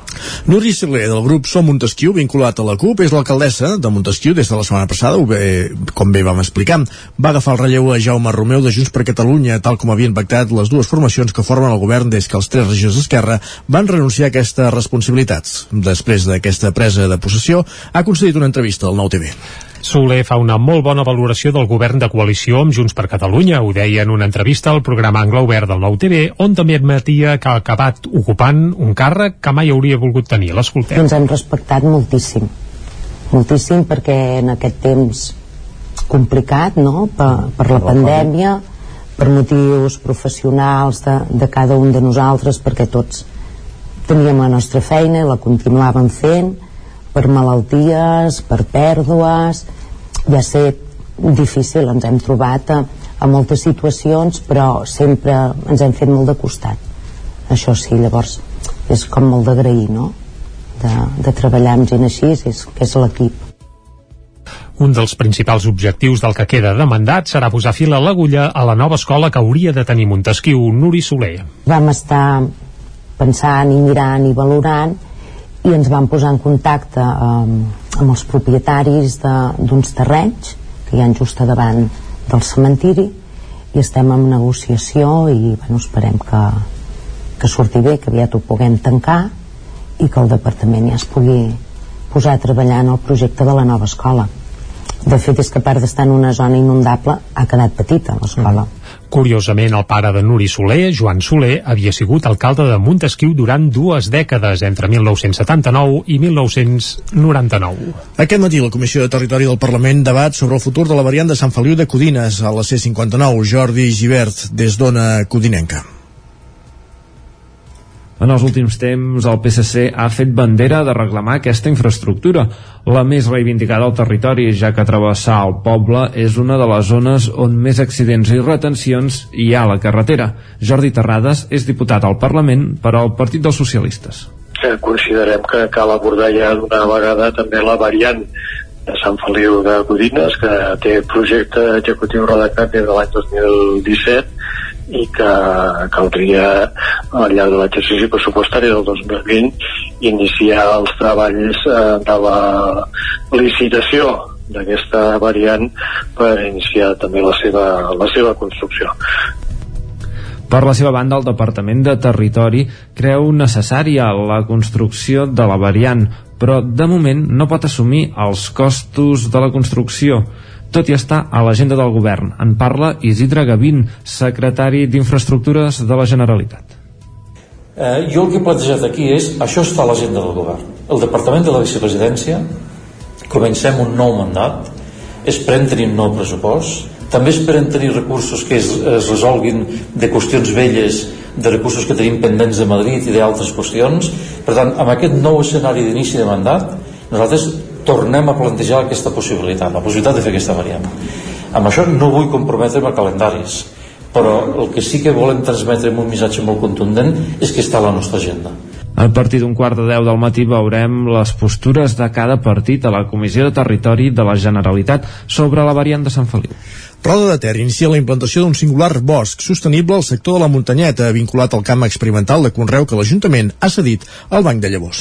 El futur hivernacle i camp experimental de Conreu que l'Ajuntament de Roda ha reservat pel Banc de Llavors a l'entorn de la muntanyeta es complementarà ara amb un singular bosc comestible. La iniciativa inèdita fins ara a Osona ja ha començat a prendre forma. D'entrada s'hi plantaran, un, plantaran un centenar d'arbres fruiters. L'objectiu, convertir-ho en un espai obert al públic ideal per convertir moments de lleure i descans tot menjant una peça de fruita. En aquesta primera fase el bosc comestible ocuparà uns 500 metres quadrats. El disseny del projecte ha anat a càrrec de Júlia Edwards Masoliver i Boris Desbertran, veïns de Sant Fores la Guixa i especialistes en permacultura i horticultura sostenible, que ja han, ja han impulsat propostes similars en altres països. A partir de l'estudi de les tendències climàtiques de la zona, les condicions del sol o la flora ja existent, han escollit un centenar d'arbres i arbustos d'una vintena d'espècies, entre els quals figueres, ametllers, avellaners, magraners, pomeres, vinyes, presseguers o ginjolers, però també hi ha fruiters més oblidats com les cerveres o els nesprers. El fet que hi hagi molta diversitat d'espècies ha d'afavorir la resiliència del mateix bosc davant, per exemple, les plagues o malalties. La meitat de plançons ja els van plantar a mitjans de desembre els mateixos membres del Banc de Llavors. S'ha de fer a les primeries de l'hivern i la resta es complementarà aquest proper diumenge en un acte obert a tothom. Si el projecte té bona acollida, el bosc comestible es podria estendre a d'altres sectors de la mateixa muntanyeta, un espai que s'ha anat convertint en un dels grans pulmons verds de Roda en un procés que el mateix Ajuntament ja va, va començar l'any 2013 amb una primera plantació d'arbres i arbustos al cim del turó. L'empresa usonenca Liquats Vegetals i Capsa Food, la matriu de Central Lechera Asturiana i Ato, entre d'altres, han anunciat un acord per tirar endavant un projecte multicategoria encara per concretar. L'anunci arriba l'endemà que Capsa Food hagi perdut els drets de distribució a l'estat espanyol de la marca belga de begudes vegetals Alpro, propietat de Danone des de l'any 2016. Per tant, ara l'aposta de Capsa Food amb el sector dels productes vegetals deriva cap a l'aliança amb l'usonenca Liquats Vegetals. En una nota de premsa conjunta, Capsa Food i Liquats Vegetals citen la coincidència de valors de les seves companyies i de les seves marques com a claus per tancar la col·laboració en la línia d'apostar per una alimentació vegetal, sostenible i honesta. Capsa Food és la companyia líder del mercat làctic espanyol i compta amb sis centres de producció a tot l'estat. Ocupa directament a 1.330 persones liquats vegetals amb seu a Viladrau. És l'empresa pionera i líder en begudes vegetals a l'Estat, amb un 17% de quota de mercat i un equip de més de 300 persones.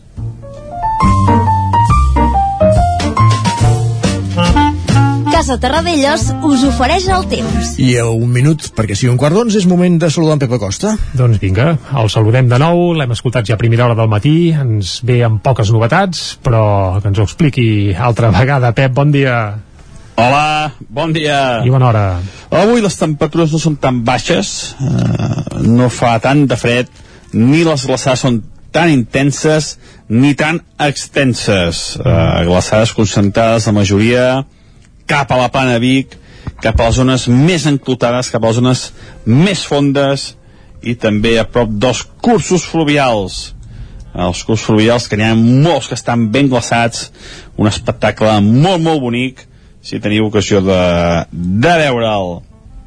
Però continuem amb aquest mateix panorama, aquest anticicló, que no hi ha manera que se'n vagi, no hi ha manera que es debiliti, i en tenim per forces dies Uh, continua aquesta inversió tèrmica i continua també el gran contrast entre el dia i la nit pel que fa temperatures mínimes sota zero a molts llocs i les màximes entre els 12, 13, 14 15 graus a tot estirar eh? contrast eh, marcat entre el dia i la nit i com deia eh, molts pocs canvis poder de cara demà i els pròxims dies hi ha una petita entrada vent de nord i fa que la temperatura baixi una mica mm, però bueno eh, no serà cap canvi destacable eh? Res de puja i la setmana que ve sembla que tampoc ja hauríem completat gairebé el mes amb 0 litres caiguts eh?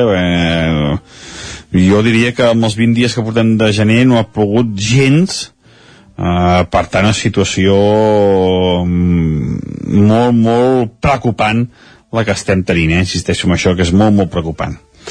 I això és tot, avui anticicló, anticicló anticicló, eh, sol, fred al matí i molta suavitat eh, als migdies. Molt bon dia.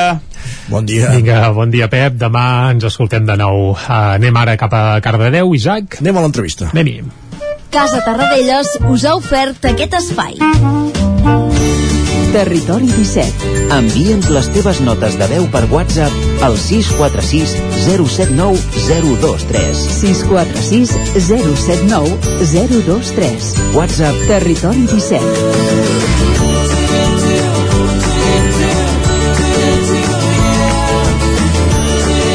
Territori 17. Som a Facebook, Twitter i Instagram amb l'usuari Territori 17.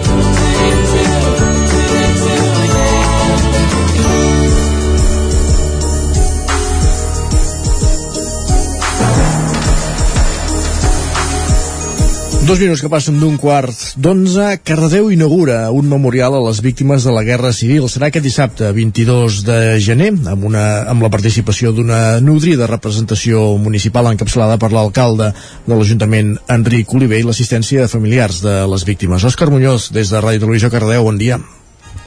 Bon dia, Isaac. Doncs sí, avui parlem amb l'alcalde Enric Oliver d'aquest memorial. Bon dia, Enric. Molt bon dia a tothom. Com hem comentat, aquest dissabte s'inaugura el memorial. Com ha sorgit aquesta idea des de l'Ajuntament? Era una feina que teníeu ja pendent o l'heu volgut fer just aquest cap de setmana per alguna raó específica?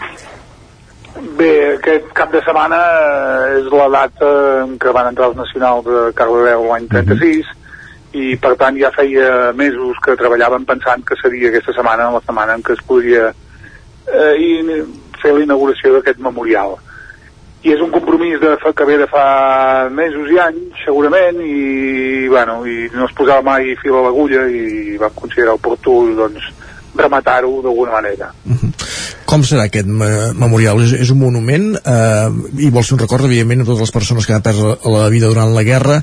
Quina importància, de, i, i, evidentment, per, per deixar petja, per deixar testimoni de, de la memòria històrica no? d'aquests fets? Sí, és clar, és que, és que ens ha sorprès. Tenim a Cardedeu historiadors i documentalistes i arxivers que fa temps que hi treballen i ens reclamaven aquesta dignificació perquè, perquè poc ens ho esperàvem, però ens ha sortit una llista molt llarga. 72 morts vinculats a Cardedeu durant els 3 anys de, de la Guerra Civil. Eh, esclar, això és un fet molt dramàtic, molt colpidor, i esclar, 72 noms fan, fan pesar, la veritat és hem fet un petit monument, un petit record, amb un, amb un còrtex i unes, amb una plaça que ja teníem arranjada i hem volgut doncs, posar uns punts. Vam estar molt temps també discut, no discutint, valorant el lloc idoni perquè fos un lloc passejable, perquè fos un lloc que, que vingués mig de pas, però tampoc fos una cosa que, que molestés excessivament, allò que, que no, no hem de fer tampoc moments que, que siguin laberíntics, però bueno, hem fet doncs, un, es podran llegir els noms de tots els difunts i hi ha un petit homenatge i un petit record i una petita ressenya de, dels fets sense, sense aprofundir més en aquest, en aquest instant. D'aquí quatre dies per Sant Jordi, mm -hmm. bàsicament, eh, publiquem un llibre que llavors hi ha el recull de les històries personals de cadascun d'aquestes persones. Que llavors ho editarem, està ja en fase, ja estan les, les galerades eh, editant-se. I llavors allà sí serà més profund però el, el monument o el, el, el memorial és, eh, és molt bonic, molt digne, molt diàfan és que creiem que queda bé Has comentat ara que has estat treballant sobre aquest llibre. Eh, què ens pots explicar més uh, d'aquest llibre? Els historiadors de Cardedeu són els que han s'han encarregat de fer tota aquesta part de recerca d'aquestes víctimes o, o com ha anat? Exactament, exactament, ha estat així, ha estat així historiadors de, del poble i documentalistes que han estat revisant, documentant-se, mm, cercant a les famílies, parlant amb elles, trobant fotografies, i els motius i d'on venien i qui eren, perquè és que volem fer un memorial que inclou a tothom. Eh? Va, ser un, mm. va començar un cop d'estat i va, ser una, i va acabar sent una guerra, no? I, i clar, reconeixement i dignificació ha de ser de les víctimes del conflicte en general. I per tant aquí tenim víctimes de la violència revolucionària a la rereguarda, víctimes de retirada republicana, víctimes de bombardejos, víctimes de soldats que van estar en lleva, de soldats carleuens que van estar en lleva, que no van morir pròpiament a Carleu, però van morir al front. Mm. Altrament, soldats destinats a Carleu, eh, que també, doncs, que de fora i també els tenim documentats. Accidents amb armaments, eh, fins i tot víctima del nazisme també tenim. Per tant, hi ha una mica tot i tot, està, tot estarà documentat i publicat. I creiem que és una, que era necessari perquè està clar que, que, si, que si recordem si coneixem el passat doncs entenem també el present és evident.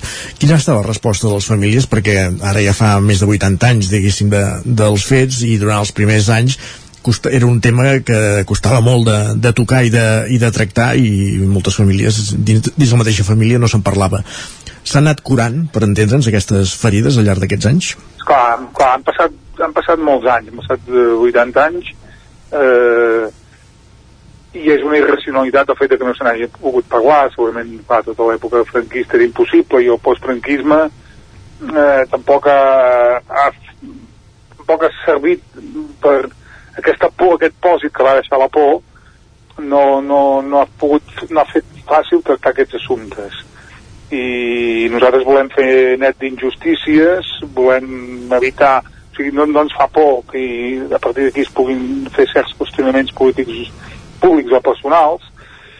I, i bueno, les famílies estan agraïdes, estan agraïdes, la veritat és que algunes eh, gratament agraïdes perquè també poden aixecar el cap d'aquesta manera, amb major dignitat, i, i avui em explicava un, una treballadora municipal que un fet molt bonic que ja ha vist un, un familiar ara estan aquests, aquests dies, com podeu comprendre, està a la brigada municipal, els tècnics estan arranjant l'espai, estan eh, netejant-lo, decorant-lo, posant quatre flors i ho estan, encara ho estan envellint i ja hi havia un, un familiar llegint el nom del seu jo diria que hauria ser el seu rebesavi o similar, no? Uh -huh. I ja estava ja una persona mirant-s'ho, vull dir que tenia té certa certa càrrega emocional, sí, sí. hem parlat abans de, de l'espai, però no sé si hem concretat exactament on, on s'aixeca aquest, aquest memorial, diguéssim. A quina plaça la concreta? plaça, la, la plaça de la plaça Francesc Macià, i Mhm. ahí tenim també un monument a- al president també eh, fa anys que aquesta plaça està arranjada, i és una plaça molt, molt cèntrica, molt, molt cèntrica del municipi, sí, sí. I em parlàveu abans que es tractava d'un monument. L'ha fet algun artista local o ha estat una peça així més, més simbòlica, diguéssim, com s'ha una plantejat? peça simbòlica i després el, el tema és un còrtex amb tots els noms, per tant ho ha fet una serralleria, una serralleria del poble sense, sense magnitud artística, eh? no és una qüestió, una qüestió senzilla. Com està previst que sigui l'acte de, de dissabte? Bé, hi haurà uns petits parlaments, estan convocades totes les famílies i uns petits parlaments, tampoc per, tampoc per allargar molt ni cansar l'auditori, que solament seran gent gran, bàsicament, i, i bueno, eh, eh, explicació dels motius que ens han portat fins aquí i record, bàsicament record. Doncs aquest acte de, de justícia que tira endavant la- l'Ajuntament de Cardedeu amb la instal·lació, amb la inauguració d'aquest memorial a les víctimes de la Guerra Civil en totes les casuístiques possibles, eh, totes les víctimes de, de Cardedeu de, de la Guerra Civil que, que es fa aquest cap de setmana coincidint amb l'entrada de, de les amb l'aniversari de l'entrada de, de les tropes a, a la localitat i com dèiem doncs que continuarà amb la publicació d'aquest llibre recollint doncs eh, els fets i, i, i recollint com va ser l'experiència d'aquesta setantena de persones que van perdre la vida Uh, moltíssimes gràcies per ser avui amb nosaltres uh, al Territori 17, Enric Oliver. Moltes gràcies, molt amables. Esteu convidats tots a venir el dissabte a les 11 del migdia. Perfecte, doncs queda dit. Bon dia. Gràcies, bon dia. Òscar, gràcies també per ser uh, aquest matí, aquesta estona nosaltres compartint aquesta entrevista a quatre mans. A vosaltres, nosaltres sí que hi serem dissabte en el memorial doncs, per veure una miqueta i gravar també aquest acte així que es quedi per la memòria dels cardedeuencs. I en parlarem la setmana vinent segurament. Moltíssimes gràcies, parlem després de l'agenda. Fins després. Doncs ja tenim uh, feina per aquest cap de setmana. Qui vulgui pot atensar-se a Cardedeu a la inauguració d'aquest nou uh, memorial. Avui per això, ja que parlem d'agendes, Isaac, ens tocarà acabar també fent un repàs a l'agenda cultural per aquest proper cap de setmana, marcat per les restriccions que seguiran vigents. Per tant, en cultura, teatres, auditoris, recordem que l'aforament es limitarà al 70%, però uh, en la resta, continuïtat pel que fa a restriccions anticovid. Per tant, a la part final del programa, el que farem és això, repassar l'agenda cultural per aquest proper cap de setmana. I ara, de seguida, el que arribarà és en Guillem Sánchez, que ja el veiem aquí, per fer un repàs i un cop d'ull a les piulades, el que es comenta per Twitter, i també encara ens queda passar pel Lletra Ferits, parlant de literatura, d'un capellà bandoler, uh, ben Sant de curiós, de Abadesses. Sant Joan de les Amb un Abadesses. historiador que va fer un llibre l'any 2011, amb Àngel Casas. I encara hem d'anar també al territori sostenible amb en Jordi Givert, molta encara. De fet, feina. Som a la meitat, som a l'equador del programa tot just. Va, ara el que farem, però, és una breu pausa de res, 3 minutets i tornarem a això, dos quarts en punt, amb piulades, amb en Guillem Sánchez. Fins ara mateix, aquí, a Territori 17. Sal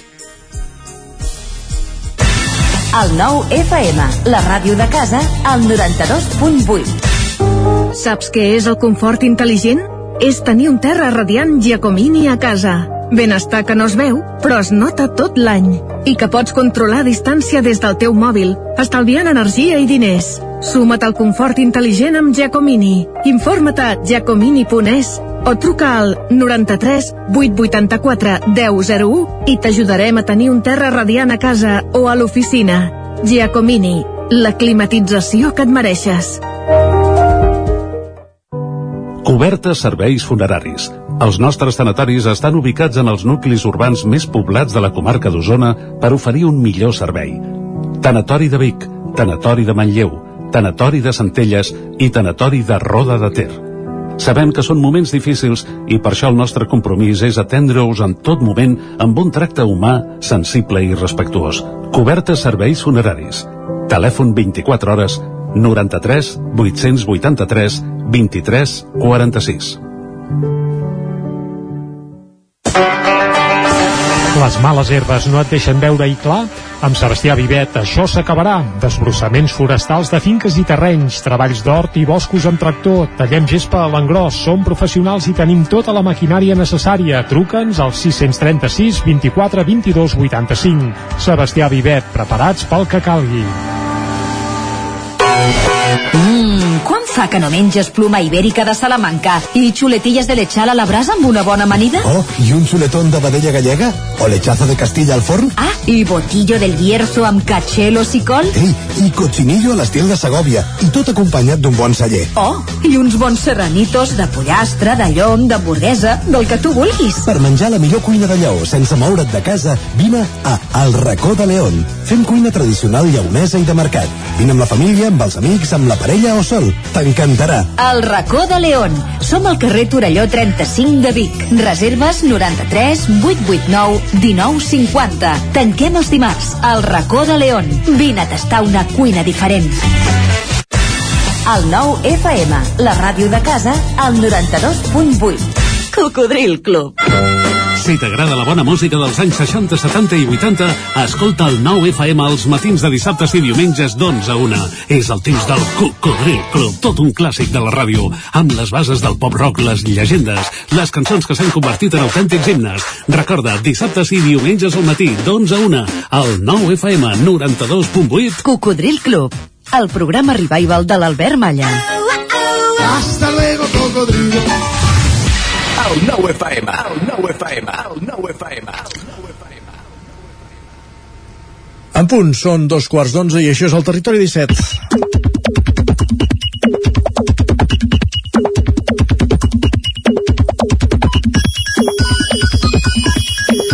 I aquesta és l'hora d'endinsar-nos a Twitter.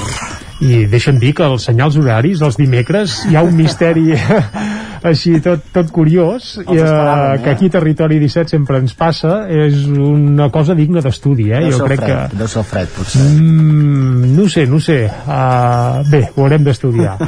Va, fet aquest apunt, Guillem, bon dia. Bon dia. Uh, posem cullerada al que es cou a Twitter i per on la comencem, aquesta cullerada Avui ho tuitaire? resumiríem amb eh, Covid, fred i ordinadors, com a, com a titular de, del dia d'avui. Covid, fred i ordinadors.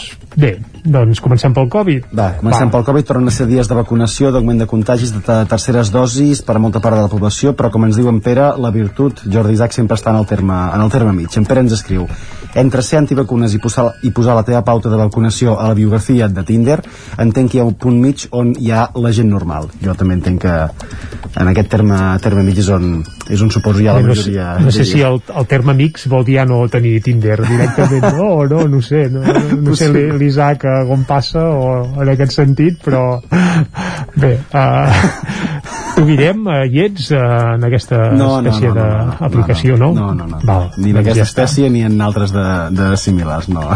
no hi són pas.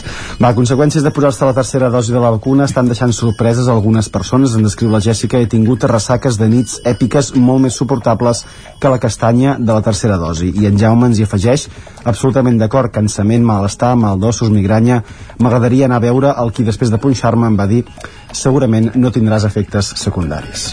Bé, duren un dia. Jo també em vaig patir un pèl i el braç no el podia aixecar més en l'aire de, del coll gairebé, eh? En Roger, en canvi, és cert. de, és de l'opinió contrària. Jordi ens diu, ah, doncs jo al revés, he tingut ressaques molt pitjors que la, que la Covid. Doncs que se li posessin bé també. el També seu- intueixo que depèn quin tipus de ressaques i a quina edat t'agafen i a la vacunació igual, depèn de qui, però bé, cada cas és un món. Va, i només un apunt més del tema vacunes i coronavirus per deixar clar el que ens diu en Xevi, lligat amb l'Open d'Austràlia de tennis que s'està disputant també eh, des d'aquesta setmana. Ens diu que consti que en Djokovic tampoc podria disputar l'Obert de Sant Pere de Torelló d'entrada perquè no teníem cap pista. No sé si el deixarien entrar aquí a Espanya també per, per jugar Bé, però... a, a Madrid sembla que ja des de l'alcaldia s'han ofert i diuen que seria un bon reclam per, problema. per Madrid. Cap problema, cap a Clar, allà s'hi val tot. Cap problema. Doncs va, i encetem ara la secció de comentaris sobre el fred que fa aquest hivern. En destacarem uns quants. Del primer, el de l'usuari a la deriva, el qual comparteixo al 100%. Ens diu, he fet molts cops aquest tuit, però el repetiré fins que quedi clar i català. La millor sensació, la de posar-te el pijama calentó des del radiador. Jo, de fet, a mi sumo, eh, al 100%. Jo de deixar-te a la punt mentre t'estàs dutxant, radiador encès, i quan t'acabes de, de dutxar, posar-te'l ja sobre una sensació... No sé si l'Isaac també la comparteix, aquesta sensació... El problema és que no faci ric pijama. Però... Ah, jo anava a dir jo tampoc, no, no, pu- no me n'he posat mai, em És que ho complicat, Jordi Isaac, ho poseu molt Oh, complicat. eh? escolta, dormir sense pijama és fantàstic. Bé, cadascú que dormi com vulgui. Eh? Ara ho has dit. no cal ni dir-ho. Resposta a aquest comentari, el senyor Espadamal en respon així, diu posar-te el pijama davant del foc, és una opció, o en Xavi que ens comenta tret de la secadora molt a molt i els deixa molt suaus. Però Aquí ja hi ha el nivell de secadora, eh? Que cal tenir secadora, clar. Sí, sí, i Però- foc, i foc, Sí. també abans. Però el més bo d'això és que el mateix usuari de l'Espada Mala també ens afegia per xarxes la situació que es va trobar aquest dimarts a casa seva, que és la següent. Diu, me'n vaig a dutxar, em despullo i deixo la roba bruta a la cuina, que ara mateix és el lloc més calent de la casa, a 13 graus. Diu, travesso Ostres, 13 graus? Diu, travesso la sala. més calent? Viu pagès. Bé, bé. Diu, travesso la sala a 6 graus, arribo a la banyera a 3 graus i engego l'aigua calenta amb tota la il·lusió, punt. I no surt aigua.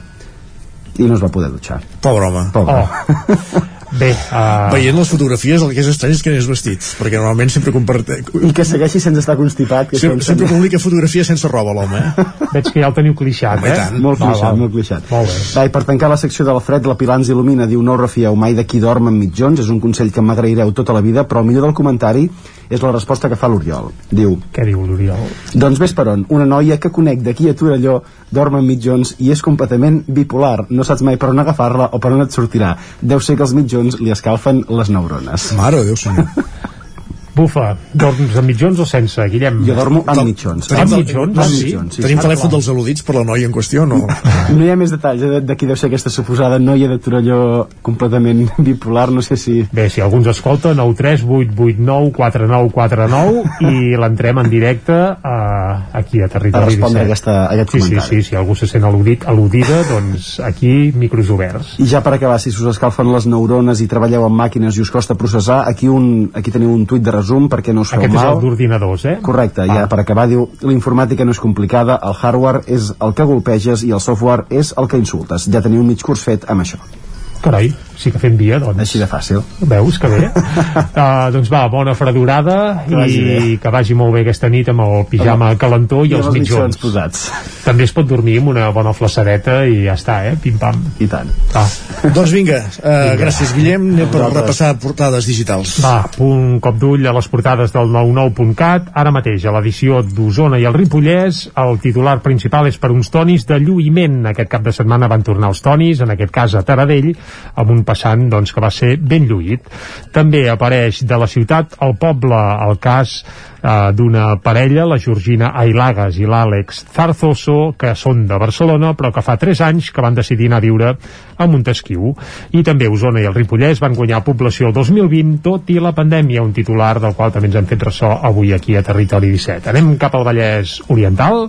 Ara mateix el titular principal per un centenar de persones que es concentren a Sant Fos de Camp Centelles a favor del català a l'escola. Aquesta concentració va ser ahir al vespre. També Caldes de Montbui va registrar el 2021 l'any més sec en 72 anys de, uh, bé, de dades que tenen, que tenen recollides. Per tant, l'any passat és evident que va ser molt sec i com ens diu en Pep Acosta, aquest any també ho està sent i molt, segurament massa. I per acabar, una AMPA vinculada a entitats espanyolistes exigeix el 25% de castellà a tota una escola de Sant Fost i per això mateix s'havia fet aquesta concentració ahir a la nit a la qual ja fèiem referència a l'hora de titular que es cou ara mateix al 99.cat del Vallès Oriental. Perfecte, doncs moment ara d'entrar a la taula de redacció. Gràcies, Jordi.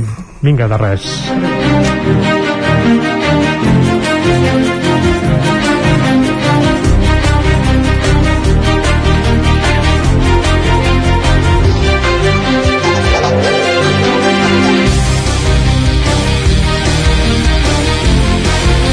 I avui a la taula de redaccions hi acompanyen en Guillem Rico i en Miquel R. Comencem parlant amb en Guillem Rico, ja el tenim aquí, amb aquesta notícia que avançàvem a la portada, que, que ampliàvem també l'informatiu de les 10 sobre l'evolució de la població a la comarca d'Osona. En el darrer any hem vist com disminuïa, després de molts anys de creixement, la població amb les, a les grans ciutats, com podria ser el cas de, de Vic o Manlleu, però que en canvi eh, incrementava en petits pobles i sobretot els més turístics, on hi havia segones residències. Guillem, bon dia. Bon dia. Explica'ns uh, aquest fenomen, va. Doncs sí, uh, com deies, uh, a Vic i Manlleu s'ha reduït la població, una cosa que no passava des de feia molts anys, de fet miràvem algunes dades de, de la Wikipedia en aquest cas eh, que apareix la població l'evolució de la població dels municipis i a Vic per exemple des del 1877 crec que era eh, no es disminuïa la població sempre havia anat pujant en aquell any hi va haver-hi aquesta petita baixada llavors estaven al voltant dels 13-14.000 habitants eh? i ara sí que aquest any doncs, s'han doncs, perdut aquests 311 habitants, a Manlleu n'ha perdut 108 Uh, i això uh, malgrat això uh, que es podria atribuir a, a, a les morts a, a causa de la pandèmia perquè estem parlant de dades de 1 de gener de, del 21 que durant l'any s'han anat cribant diguem a través de l'Institut Nacional d'Estadística uh mhm. -huh. i que ha fet públiques l'IDESCAT ara uh, fa uns dies um, i llavors aquí es fa aquest cripatge de dades per si hi han hagut canvis d'empadronaments, de, etc etc, doncs creuar-ho perquè no hi hagin persones duplicades, etc etc. Per això triguen tant temps eh, a sortir aquestes dades, perquè molts ajuntaments ja ara ja tenen la dada de l'1 de gener de, de, del 22 i per tant es pot veure com si s'han trencat aquestes tendències o no, eh? Aha. Parlàvem amb el geògraf i alcalde de Molló, en Pep Coma, eh, i ens parlava això, que també s'atribueix aquest fet eh, eh, que, que, perquè malgrat eh, s'hagi reduït en els municipis grans el, el, el, el balanç és positiu, diguem, hi ha hagut un creixement eh, eh, tant a Osona com, com al Ripollès. I eh, ens deia que això també feia perquè per exemple, eh, estem parlant de les dades que serien del primer any de la pandèmia eh, eh, i llavors això eh, un dels motius és aquests empadronaments que s'han fet de moltes persones en les segones residències probablement doncs, per gaudir o per aprofitar-se en part de, de, dels confinaments, no? Si estan empadronats en aquests municipis més petits on les mesures eren menys restrictives, on potser tenen uns habitatges més grans o amb, amb més espai per córrer al voltant, doncs això va fer que molta gent acabés empadronant-se a les segones residències i d'altres que precisament van decidir fer un canvi de vida i, i per evitar això, no? després d'haver passat uns dies confinat en un pis molt petit, per exemple, en una gran ciutat, si la feina, etc els hi ha permès, doncs el que han fet és traslladar-se en municipis petits. Es dona precisament el fet aquest, eh? municipis molt turístics on hi ha, on hi ha moltes segones residències doncs que, que s'ha notat un augment. Eh? Per exemple, a Camprodon hi ha hagut un augment molt gran i això eh, s'atribueix a aquest fet també també a Ceba o en municipis més petits com, com Rupit doncs també hi ha hagut um, augments molt grans per exemple en el cas d'Osona el municipi percentualment que ha crescut més és Rupit amb 25, amb 25 persones com a creixement absolut és un 9,2% de, de, de la població.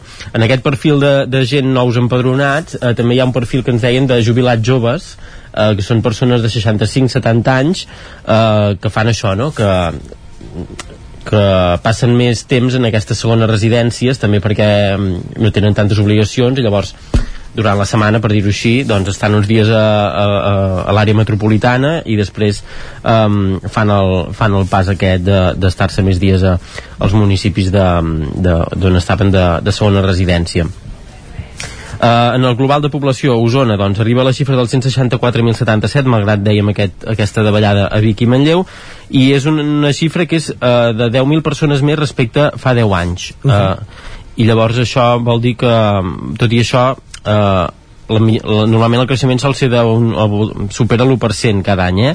i aquest any està al 0,23 perquè hi ha això, aquesta, aquesta davallada de Vic i Manlleu doncs, que fan que, que ho compensi en, en nombres absoluts, en xifres absolutes els que creixen més són Torelló amb 153 habitants més i, i Ceba amb 152, també Ceba hi ha molta segona residència i per tant també pot, pot haver influït a, a, a aquest fet i també la tendència trenca una mica amb el que dèiem els últims anys, no? que creixien sobretot els municipis més grans i més propers per, en vies de comunicació com solen ser la C-17, no?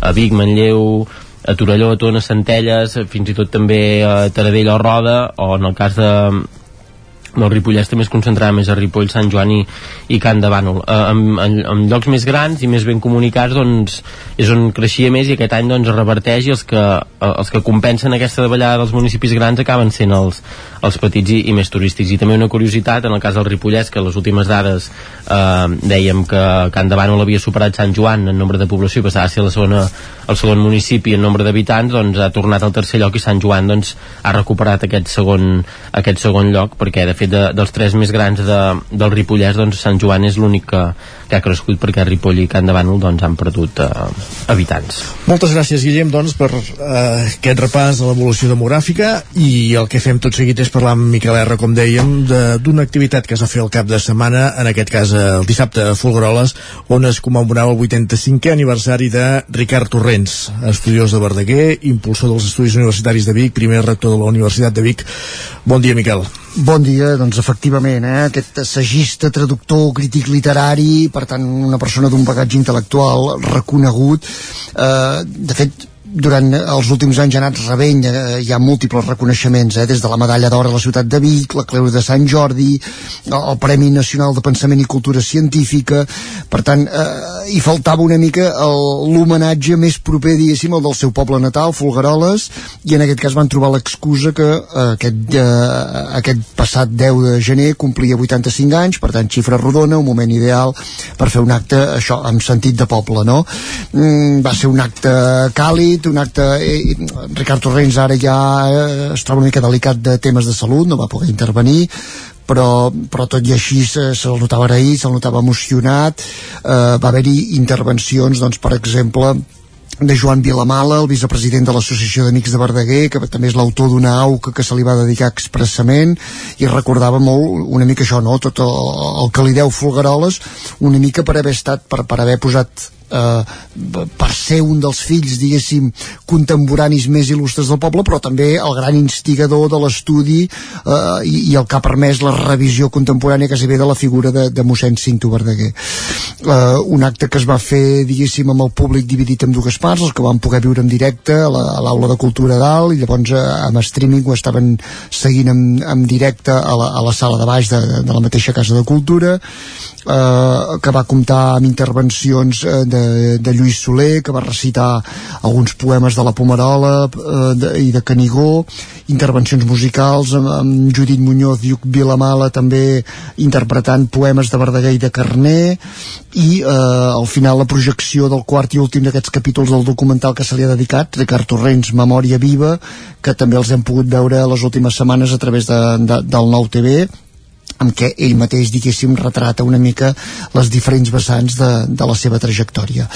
Uh, el públic que hi va assistir se li lliurava un llibret que també molt, molt, molt, molt significatiu, amb diferents textos recollits tant des d'un bloc més actual com, com algun de més antic, per exemple d'una festa major de l'any de l'any 53 que en Ricard Torrents amb 53 anys ja parlava del poble i de la vinculació del poble amb Verdaguer precisament eh, molt abans diguéssim de convertir-se en un dels grans referents de la recerca verdagueriana. Era una mica el poble, ja dic, eh, ja dic un dels diferents homenatges que se li ha fet segurament el, el, el més proper i el més emotiu pel, pel fet d'haver estat eh, això, envoltat d'amics, de familiars, encara algun dels amics que jugaven amb ell de petit pel poble, per tant un, un acte entranyable. Perfecte, doncs moltíssimes gràcies per acostar-nos-ho també a l'antena. Gràcies, Miquel, fins... Si més no, fins divendres, com a mínim. Correcte, fins divendres. bon dia. bon dia. I acabem aquí aquesta taula de redacció. Anem de seguida cap al Lletra Ferits.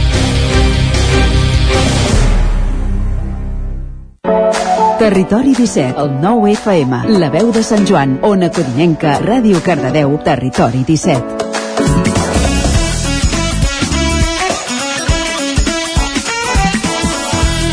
I el lletra ferit saludem tot seguit a Isaac Muntades des de la veu de Sant Joan que ens acostarà la història d'Antoni Roca eh, aquest bandoler, el capellà bandoler que era com es titulava el llibre que publicava l'any 2011 el professor d'Història Moderna de la Universitat de Barcelona Àngel Casas.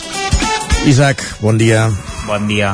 Doncs mireu, avui retrocedirem uns quants segles en el temps per parlar d'Antoni Roca, que va ser el primer dels grans caps eh, de bandolers de la història de Catalunya, anomenat també l'escandalitzador de Catalunya, a banda de bandoler, Antoni Roca era capellà i Sant Joaní. Avui parlem d'aquest personatge del segle XVI amb l'Àngel Casals, que és professor d'Història Moderna de la Universitat de Barcelona i autor del llibre publicat l'any 2011, Antoni Roca, el capellà bandoler. Bon dia, Àngel, i moltes gràcies per atendre'ns. Hola, molt bon dia. Gràcies a vosaltres per trucar-me. Diem que era Sant Joaní perquè va néixer aquí a Sant Joan dels Abadeses, però va marxar aviat, no?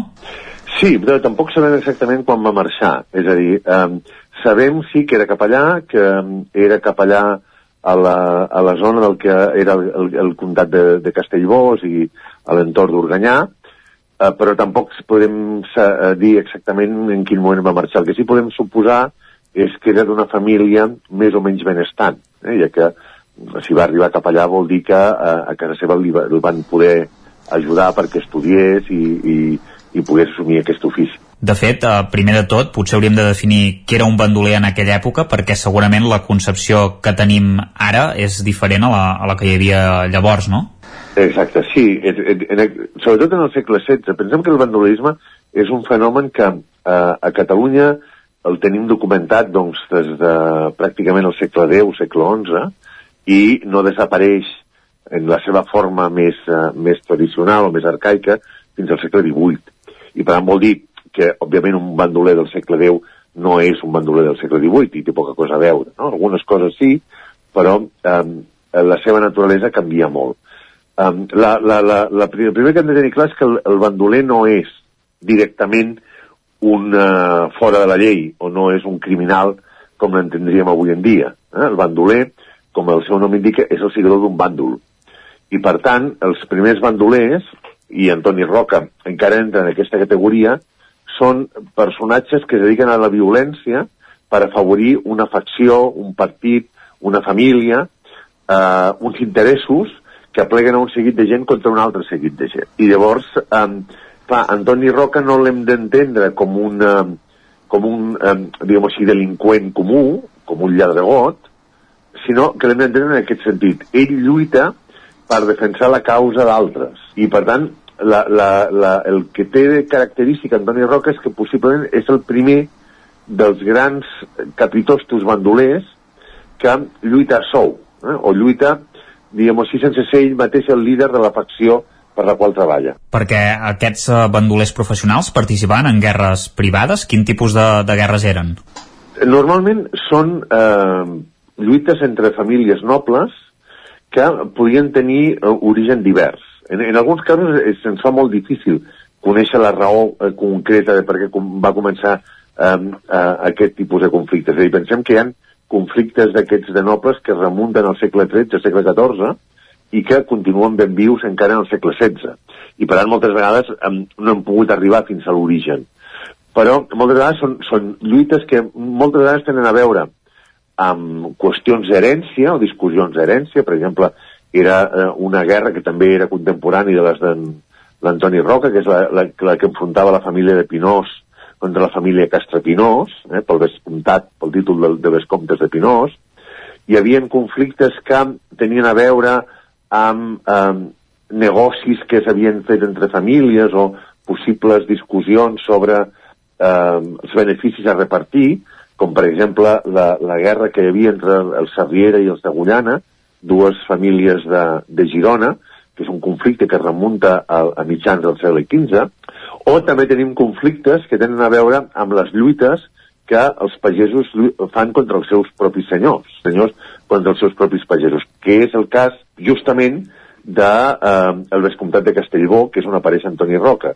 Els pagesos de Castellbó no volen com, a seu, com el seu senyor a Lluís Oliver de Boteller, cavaller de Tortosa, i contracten bandolers per lluitar contra ell, que fa el mateix, contracta altres bandolers per lluitar contra els pagesos. O, un altre cas veí, el cas de Ripoll, on els habitants de Ripoll també contracten bandolers en més d'una ocasió per lluitar contra els bandolers que contracten els monjos de Ripoll. Ara parlem de, de contractar i també de conflictes entre família. No sé si era normal contractar un bandoler. Es podia fer en aquella època? Era legal? Eh, a veure, el que era normal era la guerra privada o sigui, la guerra privada no només era normal, sinó que era legal. Uh, el que passa és que, esclar, tal com es formula l'edat mitjana, la guerra privada només la poden fer nobles i només la poden fer nobles que s'impliquin directament. És a dir, la persona ofesa, o suposadament ofesa, o que senti ofesa, pot atacar a la persona que l'ha ofès. I en aquest eh, conflicte hi poden participar els seus parents, els seus parents més propers. I llavors allò eh, està diguem-ho així, perfectament estipulat. És a dir, quan algú vol començar una guerra privada, ha de fer una declaració de guerra, que és el que se'n deia una carta de desafiament o una carta de desaiximent, en la qual l'avisava a l'altre i a més li, li, li explicava per què li declarava la guerra, s'obria un termini d'uns 10 dies per, eh, entre el moment en què es feia la declaració i es començava el conflicte, i després també es marcava a qui es podia atacar i a qui no. Per exemple, no es podia atacar menors de 14 anys, no es podien atacar dones, no es podia atacar dins d'una església, és a dir, tot un seguit de, de normes que, que ho marcaven. El que passa és que a partir del segle XV, i de forma molt clara ja en el segle XVI, tot aquest sistema es va degradant. Es va degradant perquè, primer, hi ha nobles que ja no hi participen directament, és a dir, que ells ja no lluiten directament, sinó que el que fan és buscar gent, buscar allò, um, per dir-ho així, eh, allò, eh, assassins a sou que facin la feina per ells. De tal manera que es produeix una paradoxa, que és eh, quan Antoni Roca treballa pels Pinós, per exemple, Antoni Roca sí que pot ser acusat i eh, executat, en el seu cas, per practicar la violència de forma il·legal.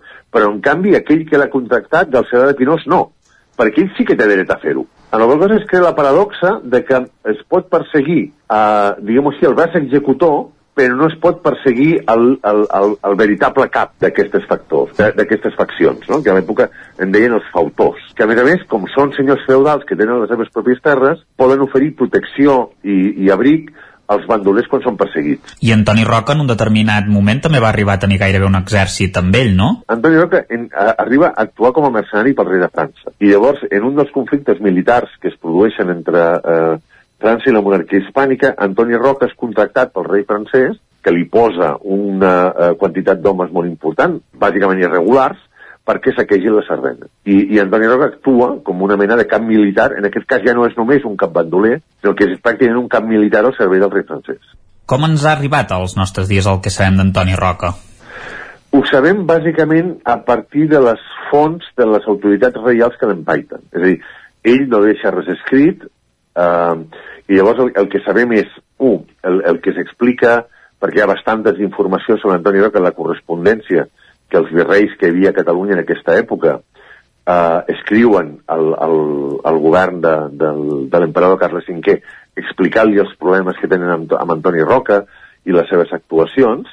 Ho sabem també perquè hi ha alguns textos literaris que ens parlen d'Antoni Roca, hi ha algunes, alguns poemes fets eh, a la mort d'Antoni Roca o, o, o quan és eh, detingut un dels seus lloctinents eh, i que expliquen una mica algunes de les accions d'Antoni Roca i que demostren la importància que va tenir el personatge a l'època, però desgraciadament el que no contem és en cap font, almenys no l'han trobada fins ara, de, de, diguem així, des del cantó d'Antoni Roca. Fins i tot la poesia que es fa en aquesta època. És a dir, el cas d'Antoni Roca, una altra de les característiques que el fa un personatge excepcional és que és el primer bandoler que sapiguem sobre el qual s'escriu una obra de teatre, i l'escriu ni més ni menys que Lope de Vega. Escriu una obra de teatre sobre, sobre, Antoni, sobre Antoni Roca, no? I que obre un gènere, eh, una mena de subgènere teatral, que és la de vida de bandolers, en la qual després hi entrarà en Serrallonga també, o per Roca Guinarda que apareix al Quixot, però el primer dels grans bandolers catalans que crida l'atenció dels autors eh, castellans és Antoni Roca. Evidentment, també llegint el títol del llibre ens crida l'atenció d'aquest binomi de capellà i bandoler. Per, per què era capellà? Um, hem de tenir present que els, que els capellans del segle XVI no s'assemblen en res als capellans d'avui en dia afortunadament, podríem afegir. Perquè, clar, en primer lloc, el, el, el, el, per ser capellà no calia haver passat per un seminari, els seminaris encara no existeixen en aquesta època, de tal manera que eh, per ser capellà hi ha prou amb haver fet uns estudis mm, bàsics, eh? i el que és important és haver pres el que a l'època en deien els primers vots, o la tonsura, eh? que era el que després allò, si continuaves, podies arribar cap allà i, o fins i tot a Frara. No? Per tant, Antoni Roca, eh, per això és el que ens fa pensar que possiblement fos d'una família pagesa més o menys benestant, eh, quan buscava una feina de capellà, en realitat el que estava fent era buscar un ofici per viure. I, i, i per tant, eh, els capellans d'aquesta època ni portaven sotana ni res que se'ls si els assemblés i per tant es distingien poc de la resta de la població. Eh? En general tenien una preparació teològica i cultural molt baixa eh, en comparació amb els que eh, seria avui en dia. Per tant, el més fàcil és que Antoni Roca aconseguís l'ofici de capellà. Per això abans he parlat d'ofici de capellà. Eh? perquè per la gent de l'època era considerat una feina, un ofici, no? I per tant és possible que aconseguís l'ofici a través d'alguna mena d'intercessió a prop del vescomte de Castellbó que li, va, que li havien eh, atorgar alguna parròquia qual eh, hauria de viure. Per què després es va dedicar a bandoler? És una cosa que no podem sospitar però no podem provar documentalment, però a més a més pels bandolers era molt, és a dir, hi ha molts bandolers que prenen els vots eclesiàstics, que no, encara que no arribin a capellans. Eh? La raó és la següent. Qualsevol persona que hagués pres vots eclesiàstics havia de ser jutjat per un tribunal eclesiàstic. I els tribunals eclesiàstics no condemnaven a mort. Per tant, sé que tots els capellans, i això ho fan, eh, perdó, tots els bandolers, o molts bandolers, el que fan quan són detinguts és el que a l'època en diuen alegar corona, o sigui, alegar primers vots, no? Perquè això vol, volia dir que teòricament havien de ser lliurats immediatament a la jurisdicció eclesiàstica. que es podria condemnar però no a mort, i per tant la pena sempre seria més benigna. Tot i això, i ja per acabar, Àngel, el seu final va ser cruel i, i va acabar condemnat a mort, precisament. Ell, eh, de fet, no va ser mai derrotat. Diguem, si ell no l'agafen en combat o no, o no, no el detenen en una acció d'enfrontament. De, de, eh? Eh, Antoni Roca tenia bones amistats entre la noblesa catalana i cal suposar que entre alguns membres de, del, dels tribunals de justícia, de, de, de l'audiència reial, bàsicament, a Barcelona, perquè més o menys sempre va un pas per davant dels que l'empaiten. I quan van molt mal dades s'amaga a França. Passa bastant temps a França. El cas és que la seva detenció es produeix a partir d'una traïció. No sabem de qui, però, eh, clar, en el moment en què a partir del, 16, del 1544 signa la pau entre la monarquia hispànica i França, Antoni Roca, que en aquell moment està, en França, està a França, diguem així, perd la seva eh, immunitat respecte dels, eh, d'una possible, d'un possible lliurament. Hi ha una negociació que no sabem qui fa, bueno, podem sospitar-ho, que, que ho fa Carles Doms, que és el governador del Rosselló, que deu negociar prop de nobles francesos, que el que fan és lliurar Antoni Roca i Sebastià Cors, que són el seu lloctinent, els quals apareixen lligats en un arbre, allò a l'altra banda de la frontera, de nit, i són portats des de prop de Puigcerdà fins a, a, a Perpinyà. Per tant, cal suposar que són els seus propis homes els que l'acaben eh, eh, lliurant. Des de Perpinyà el duen a Barcelona i a Barcelona el jutgen, però al mateix temps que el jutgen es fa una cerimònia que jo no tinc notícia que es fes en cap altre bandoler, que és un acte públic de, diguem així, eliminació dels seus vots eclesiàstics. És a dir, es fa un acte a la plaça, a la, a la, a la plaça, a la plaça Reial, on, el plaça del Rei, perdó, on el bisbe de Girona, que és el, el cap dels tribunals eclesiàstics de Catalunya, allò um, li, li, li esquinça les vestidures, li, el renta amb aigua per treure-li eh, eh, la consagració dels solis, etc i per tant el torna a l'estatut laic perquè aquesta és la manera que el puguin matar. I llavors és executat públicament, pel que sabem eh, eh, és, és una execució de les que es feien molt espectacular, perquè clar, l'acaben jutjant no només com a bandoler, sinó com a traïdor a la corona, i per tant allò, um, crim de lesa majestat, i això vol dir que el van passejant d'un carro pels carrers de Barcelona amb un butxí que eh, en un lloc doncs, eh, li talla una orella o li, o li clava un ferro roent al, al, al, al, al, al, al cos eh? i finalment el decapiten i eh, el desmembren, no? l'esquarteren. I per tant, és, és un, una fi allò molt dura, molt publicitada, és a dir, es fa molta publicitat de la, de la captura i de la mort d'Antoni Roca, perquè era un personatge molt important, és a dir, i, i perquè tothom sabia qui era. Doncs moltes gràcies, Àngel, per haver-nos explicat la vida i el final molt cruel d'Antoni Roca, un bandoler del segle XVI que va portar de corcoll les autoritats de Catalunya durant aquells anys. Moltes gràcies. Doncs moltes gràcies a vosaltres. Gràcies també, Isaac, doncs, per acompanyar-nos en aquest lletra ferits, per portar-nos aquest lletra ferits per conèixer la història d'aquest bandoler Sant Joaní. Acabem el lletra ferits, ens posem al dia, passa un minut i mig del punt de les 11. Com dèiem, passa un minut i mig de les 11, notícies al Territori 17. Territori 17, amb Isaac Moreno i Jordi Sunyer.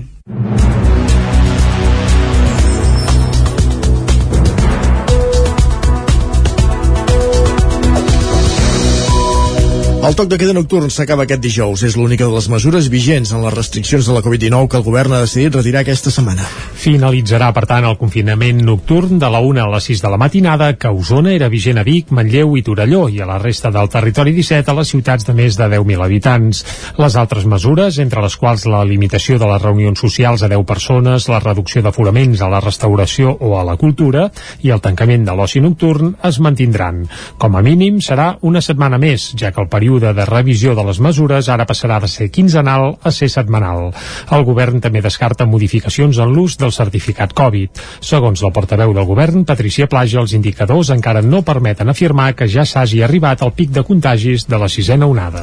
Des d'aquest dilluns, punts de vacunació massius com el de la Universitat de Vic administren ja la coneguda com a dosi de reforç, que és igualment important per protegir-se de la variant Omicron. L'administren també als majors de 30 anys, que ja poden demanar cita des de finals de la setmana passada. A mesura que es vacuni les persones que per edat són més vulnerables, s'obrirà també la vacunació de reforç a la franja de persones d'entre 18 i 29 anys. Aquesta setmana s'han tornat a veure cues de nou al punt de vacunació de la Universitat de Vic, on des d'aquest dilluns també s'administren dosis de reforç contra la Covid a persones d'entre 30 i 39 anys. És el cas, per exemple, de l'Andreu vaig rebre la notificació que ja estava oberta la vacunació per la nostra franja d'edat i ho vaig fer al moment per un tema personal, que si no m'oblido de les coses després i, i van passant els dies, i per altra banda perquè també volia aquesta tercera dosi de, de protecció, no? que eh, esperem que se'ns posi bé, veurem els efectes secundaris, però fa molta més por el virus que no pas qualsevol dels efectes secundaris que pugui tenir això. Salut anima la població a demanar cita i a no quedar-se sense la tercera dosi. La protecció davant la Covid continua sent necessària, malgrat que en general la variant Omicron no genera tantes complicacions i sol presentar símptomes més lleus. Hi ha oferta de vacunes per la dosi de reforç, però sembla que el ritme de demanda és inferior respecte a la primera o segona dosi. Imma Cervós és la gerent del Servei Català de Salut a la Catalunya Central. Costa perquè també ens ha coincidit amb una època doncs, d'hivern, de refridats, doncs gent que té patologia i no se la pot posar perquè està afectada poder per la Covid i també perquè hi ha unes vacances al mig. Esperem que ara aquesta segona quinzena de gener la gent s'animi i sobretot recordem la importància de vacunar-se tot i que tenim una Omicron que l'estem dient que és més lleu però també és més lleu perquè tenim una alta població vacunada. L'estratègia de vacunació es centra en poder garantir que les persones que per edat són més vulnerables tinguin més facilitats per trobar cita. Encara no hi ha un termini fixat per obrir la tercera dosi al col·lectiu d'entre 18 i 29 anys. Salut treballa amb la previsió que durant aquest mes de gener el ritme de contagis encara segueixi creixent. Nima Cervós. Tenim un risc de rebrot que supera els 4.000 i això vol dir que tenim molta transmissió comunitària, tenim una activitat molt oberta, tenim quasi tot obert i per tant hi ha alta, alta interacció social i entenem que estem encara amb dates amb un, el, tot el gener podríem pujar. Poder finals de gener meseta estabilització. Això és el que nosaltres estem esperant. Salut ha administrat també unes 2.000 dosis de la vacuna de la Covid a infants d'Osona complementant totes les cites que hi havia disponibles. S'activa l'avís per la contaminació al Vallès Oriental. Entre les mesures que recomanen ja evitar que els infants, la gent gran i les persones amb malalties cròniques passin llargues estones al carrer. Núria Lázaro, de Ràdio Televisió, Cardedeu. La Direcció General de Qualitat Ambiental i Canvi Climàtic de Catalunya ha activat l'avís preventiu per nivells moderats de contaminació ahir dimarts 18 de gener a Terrassa, inclosa dins de la zona de protecció especial. En aquesta àrea metropolitana, que engloba 40 municipis de les comarques del Barcelonès, Baix Llobregat, Vallès Occidental i Vallès Oriental, s'ha detectat un alt nivell de contaminació. La previsió a 24 hores indica que els nivells es mantindran elevats i es podria superar el valor diari de 50 micrograms per metre cúbic, donat que es preveu que la situació d'estabilitat atmosfèrica persistirà i les condicions de dispersió no milloraran. D'altra banda, els nivells a la resta de Catalunya són moderats i en alguns punts s'estan donant superacions del valor límit de 50 micrograms per metre cúbic. Al Canal Salut es poden consultar les principals mesures i recomanacions a adoptar per tal de reduir l'exposició a la contaminació i els riscos per a la salut derivats de la contaminació de l'aire. Gràcies, Núria. Els productors ecològics es mostren resignats amb les mesures dictades pel govern per combatre la grip aviària. Des de la setmana passada no poden treure el bestiar a l'aire lliure per evitar el contacte amb les aus migratòries. Tant el Ministeri d'Agricultura, Pesca i Alimentació com el Departament d'Acció Climàtica, Alimentació i Agenda Rural apunten a les aus migratòries com a possibles focus de contagi de la grip aviària sobre les aus de corral. Tenint en compte que hi ha hagut infeccions en explotacions domèstiques de Portugal i del sud de França, el Ministeri ha decidit aquí equiparar les mesures de bioseguretat aplicades a les zones d'especial risc també a les d'especial vigilància de tot l'Estat. La Generalitat ha anat encara més enllà i en la resolució emesa dimecres passat estén les mesures a tot el territori català. Tenint en compte que les aus migratòries s'aturen en zones més humides, com els aigomolls de l'Empordà o l'entorn del riu Segre, els productors de pollastre i ous de casa nostra consideren excessives les mesures que seran vigents fins al 20 d'abril. Aquest any, de moment, s'ha detectat un primer focus la setmana passada a Soses, del Segrià, on van localitzar el virus en cinc aus salvatges, quatre cignes i una cigonya que es van trobar morts al riu Segre. Dies més tard es van detectar 13 ocells salvatges més morts també a la mateixa zona. Per ara no s'ha infectat cap animal de granja. Entre les mesures adoptades per l'administració hi ha la prohibició que els animals puguin sortir a l'aire lliure, un fet que afecta directament els productors ecològics, perquè aquesta és una de les seves raons de ser. Mentre durin les mesures, el departament garanteix que, tot i estar tancats, poden poden mantenir el certificat d'ecològic, però això, per a alguns productors, no és suficient. Una altra mesura afecta l'exhibició de bestiar a l'aire lliure i, per tant, no es podran vendre animals de ploma fins a nou avís als mercats. L'Ajuntament de Vic ha informat de la mesura als pagesos que cada dissabte en venien a plaça. Divendres parlarem amb un d'aquests productors, amb Ramon Vilalta, de la granja Eslou de Sant Pere de Torelló, afectats per aquestes mesures, un dels productors, com en aquest cas, d'ous ecològics. I més qüestions. Osona i el Ripollès van guanyar població durant el 2020, tot i la pandèmia les ciutats més grans, però com Vic, Manlleu i Ripoll en van perdre. La pandèmia de Covid-19 ha comportat un canvi de vida per la majoria de població. El confinament més estricte ha fet que moltes persones s'hagin replantejat el lloc on viure i això s'ha vist reflectit en les dades de població del primer any de pandèmia. Segons les xifres publicades fa uns dies per l'Institut d'Estadística de Catalunya, l'IDESCAT, la població global d'Osona i el Ripollès va créixer malgrat les defuncions que s'han patit a causa de la pandèmia. A Osona hi ha ara 164.077 habitants, 10.000 més que fa 10 anys.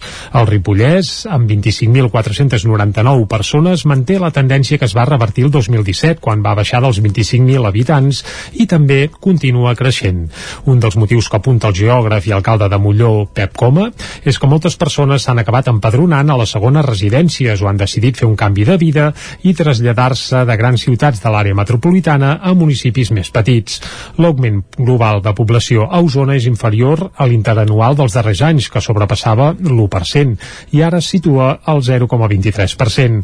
El balanç, però, és positiu, amb 375 habitants més respecte a les dades de 2020, tot i la davallada que han patit els dos municipis més grans, Vic i Manlleu, que han perdut 311 i 108 habitants, respectivament. En xifres absolutes, la crescuda més gran la tenen Torelló, amb 153 persones més, i Ceba, amb 152, encara que en percentatge els que han crescut més són Rupit i Pruit, Espinelves i el Brull. Al Ripollès el creixement relatiu és més elevat que Osona, amb el 0,78%, i també es dona tot i que Ripoll va perdre població, on ara hi viuen a Ripoll 10.903 habitants, tot i que hi ha 182 persones pendents de renovació padronal. Les xifres també mostren com Sant Joan de les Abadeses recupera la posició com a segon municipi amb més habitants del Ripollès, després que l'any anterior Camp de Bànol el superés en 8 habitants. Al Ripollès els pobles que més creixen en percentatge són Set Cases, Vallfogona i Campelles, tot i que en termes absoluts destaquen Camprodon, Sant Pau de Segúries i Ribes de Freser. El perfil turístic també es dona en municipis d'Osona com Rupit, el que més creix, o Ceba, on també hi havia moltes segones residències. Aquesta línia trenca amb el creixement dels darrers anys que es donava sobretot als municipis més grans i més propers a les principals vies de comunicació com la C-17. Esports. I a la pàgina esportiva els expliquem que perilla la continuïtat del Club Bàsquet Sant Feliu de Codines per la falta de persones que vulguin agafar el relleu de la Junta Directiva actual. Jordi Givert, des d'Ona Codinenca. El mandat de l'actual Junta va acabar el passat mes d'octubre i ja l'havien prorrogat un any a causa de la Covid-19.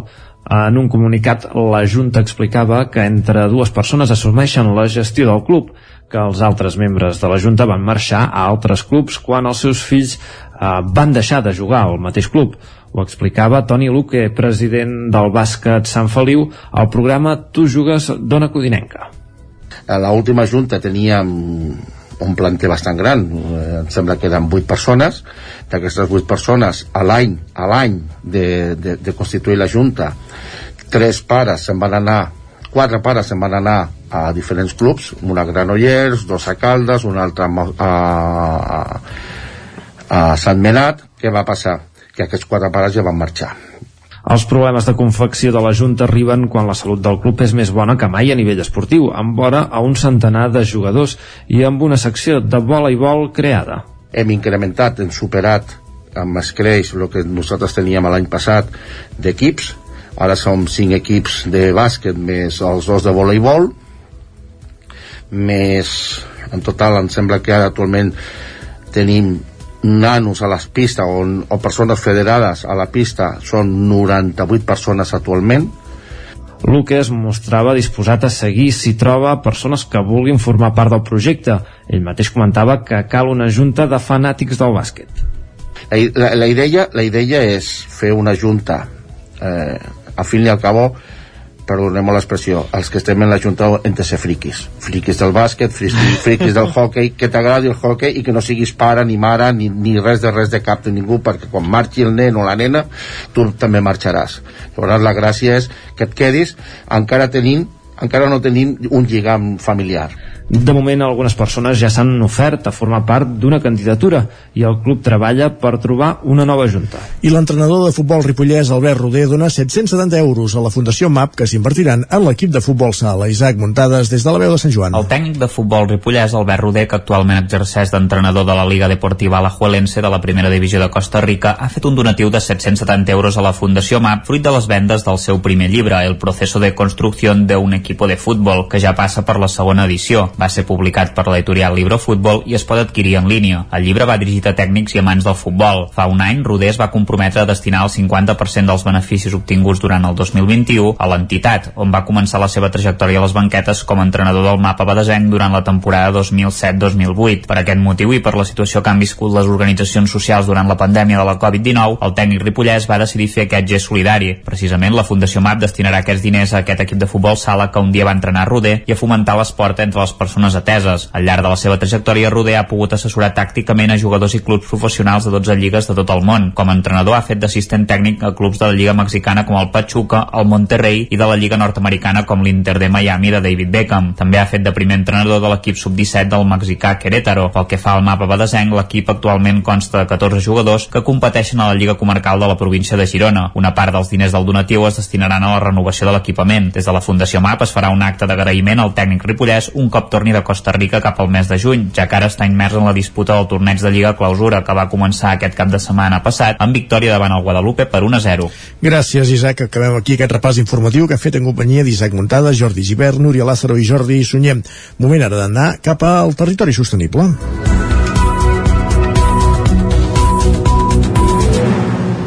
Un quart de dotze, territori sostenible amb Jordi Givert.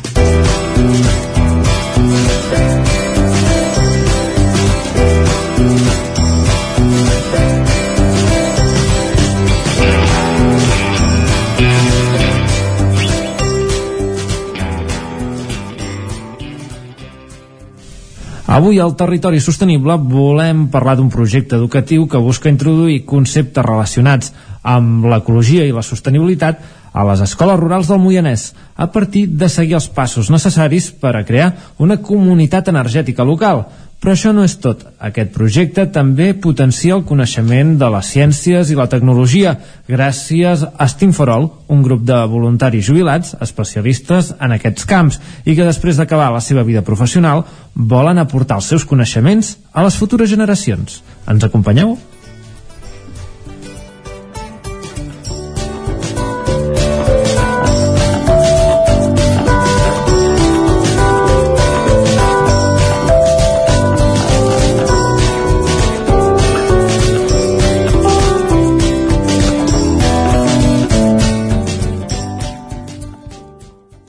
Hem sortit dels estudis d'Ona Codinenca i després d'un bon grapat de revolts per la C59 ens hem plantat a l'estany. Aquí ens espera el director de la ZER Llevant Moianès i l'Escola de l'Estany, Toni Comajoan. Amb ell comencem una conversa sobre el projecte de crear una comunitat local energètica que treballen a l'escola, paral·lelament al que intenten impulsar ajuntaments i Consell Comarcal a la comarca del Moianès. O sí, nosaltres eh, treballem en una escola, som mestres d'una escola i educadors i col·laboradors i a partir del treball que es fa a l'escola diguem-ne que és el petit embrió que la canalla transporta a les famílies a casa i en aquest cas Team for All potencia a totes les famílies, en aquest cas partint de l'estany o del tot el Moianès doncs eh, amb les seves xarxes socials uh -huh. uh, en aquest cas i llavors és això el que s'intenta fer ja s'ha fet una xerrada durant el mes de desembre en aquest cas va ser l'estany però podia ser un altre poble d'aquí al Moianès doncs de crear doncs, tota una comunitat de veïns amb energies sostenibles que a nivell privat de família, una, una sola família hi ha gent que ja ho fa, doncs aquí seria doncs, de crear ja una comunitat de veïns eh, que, que ens hi puguin col·laborar i llavors rebin l'energia que, que els hi pertoqui en aquest cas. I a l'escola fiquem aquest petit gra de sorra, o és l'embrió de tot aquest engranatge que fem petites simulacions del que s'estarà fent llavors a la realitat. Vale. Uh, et volia comentar això, com ho treballeu a l'escola? Hi ha un programa i, i feu com simulacions de, de com seria el, uh, el projecte un cop s'apliqués a l'estany o en el poble que fos? Mira, les nostres escoles, les tres escoles que intentem treballar és amb la màxima realitat possible i competencial possible, eh, com moltes altres escoles de no en tenim, i tot s'intenta buscar doncs, un, sempre exemples reals, i en aquest cas doncs, és una oportunitat d'or doncs, de, perquè s'hi treballa el que és el present, passat i futur, en aquest cas, i sobretot el futur en tot el tema d'energies eh, renovables. Com ho fem? Doncs nosaltres hem començat amb un petit LED i una placa eh, fotovoltaica molt petitona i a partir d'aquí ells han començat a entendre tot el que simbolitza l'energia sostenible i això que comporta de canvi de mentalitat amb les energies que tenim ara, fòssils en aquest cas. D'aquí passarem a un altre plafó que serà ja una placa fotovoltaica molt més gran que això ja ens donarà energia per carregar les bateries dels nostres robots Lego en aquest cas.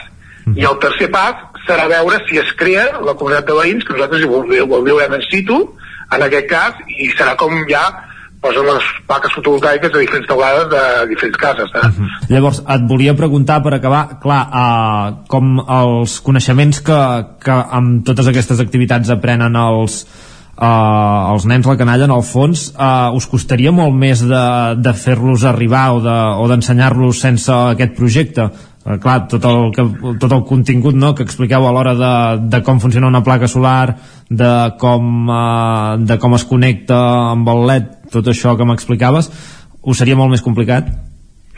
Ens seria complicadíssim, totalment estic d'acord amb tu. Però, I llavors hem de, també hem de fer símils, per exemple, el símil de rebre el sol, l'energia en aquest cas, i la llum, bàsicament la llum, i passar-la a través de la de la placa fotovoltaica cap al LED, és molt similar al procés de, de fotosíntesi d'una planta, per exemple. Doncs aquest símil es pot fer. I d'altra banda, eh, tot el procés doncs, eh, ho estan vivint, en aquest cas, d'una manera potser una mica més complicada del compte, però com tot, si us treballa sobre el terreny, s'entén millor. M'explico. Quilowatts hora, eh, molts adults nosaltres encara no ho dominem. Sovint que d'aquí sigui 10 anys, quilowatts hora ho dominarà tothom Uh, nosaltres estem fent el similar, els, avui ho preparàvem, això encara els hi, hi hem explicat a les criatures, que tots coneixem quilòmetres hora i els tants quilòmetres podem fer amb tants litres de gasolina. Uh mhm. -huh. Doncs això serà els quilowatts hora que portarem en cotxes elèctrics o l'energia a les nostres vivendes d'aquí uns quants anys, esperem més aviat que, que tard, en aquest cas. És un canvi de mentalitat que les criatures d'avui que tenim a l'escola ens han de fer aquest pas de gegant que potser hem ser capaços nosaltres a, en aquest cas. Uh -huh. Però sí, i llavors també som conscients que a vegades treballem, treballem coses del currículum que no són prou de primària, els donem el coneixement, els expliquem el màxim de competencial possible i real, però que no toca, toca més, més tema de secundària. Uh -huh. Però que sàpiguen que el quilowatt hora serà una unitat de mesura que fins ara no es fa no s'ha fet servir si no és gaire comuna, en un futur serà molt comú en aquest cas i buscar els símils i les comparacions que poden entendre ells ara a l'estany també trobem Eusebi Calonja. Ell és un dels voluntaris jubilats d'Estimforol. Ens explicava a l'inici del seu projecte i la voluntat que tenien al començar, aquí mateix, a l'estany. El grup va néixer eh, a l'Estany, precisament. Eh, la idea va ser doncs, donar un recolzament en l'alumnat de les escoles d'entorns rurals en les eh, categories STEM. Eh, STEM són les, les sigles de ciència, tecnologia, enginyeria, art i matemàtiques. Uh -huh. És a dir, mm, són activitats que mm, els mestres en general eh, dominen menys, però en el mercat laboral al final la que es troba a faltar molt són les, la, aquest tipus de d'activitats tecnològiques eh, per tota la gent, no? que cada vegada estem ficats més en un món més tecnològic. Uh -huh. El, evidentment la formació sempre s'ha de començar des de baix de tot, per tant la idea va ser començar a, a, a primària, i al tenir l'escola de l'Estany doncs, en una escola rural doncs, es va buscar aquest àmbit com a recolzament no solament per, per, per nois sinó principalment per noies uh -huh. la idea és recolzar de fet a les mestres És a dir, la formació que nosaltres fem va enfocada en els nanos, però nosaltres la transmetem a les mestres. I aleshores són les mestres les que després eh, en el, el curs de les classes doncs, fan eh, l'activitat amb, el, amb els alumnes. Vale.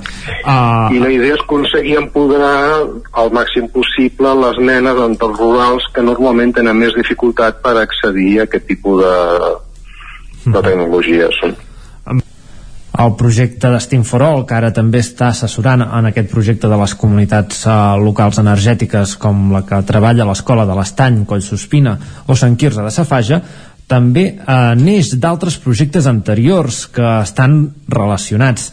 L'Eusebi ens els explicava.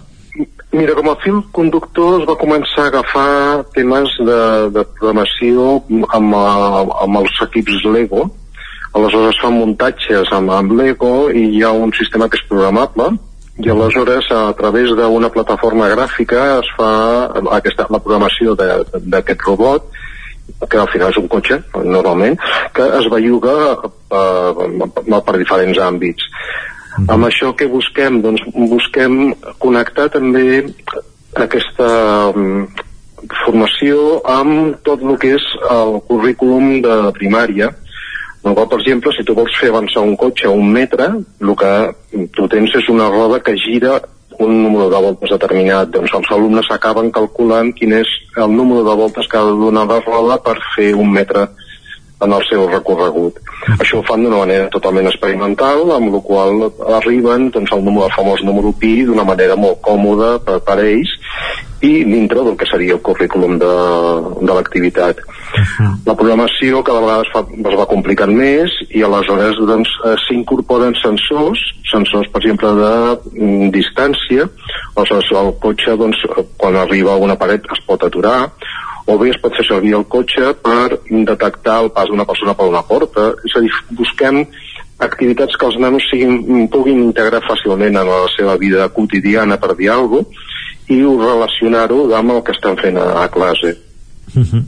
uh, L'any aquí... passat vam introduir també, perdona, vam no, introduir no, també una activitat que eh, dintre del que és la programació Scratch eh, incorpora també la possibilitat de fer música i aleshores dintre de la programació aquesta doncs els alumnes no solament fan programes que poden fer dibuixos, poden fer moviment d'imatges, etc, sinó que poden arribar a fer música amb l'ordinador.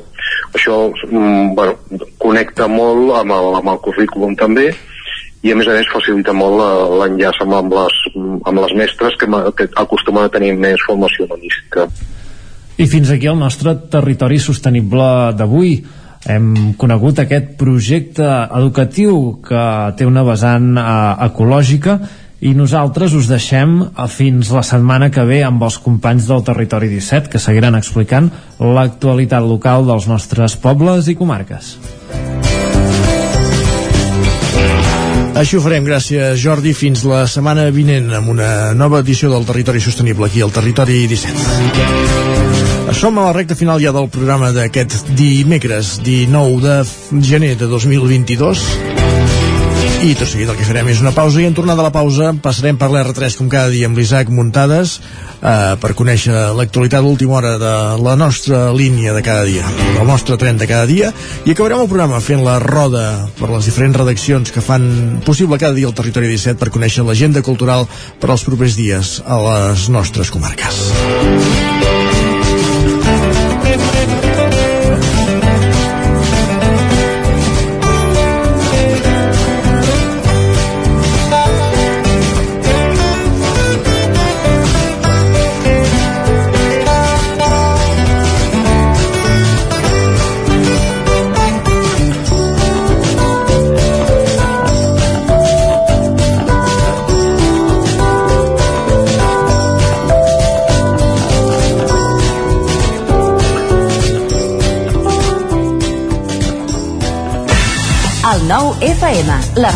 casa, al 92.8.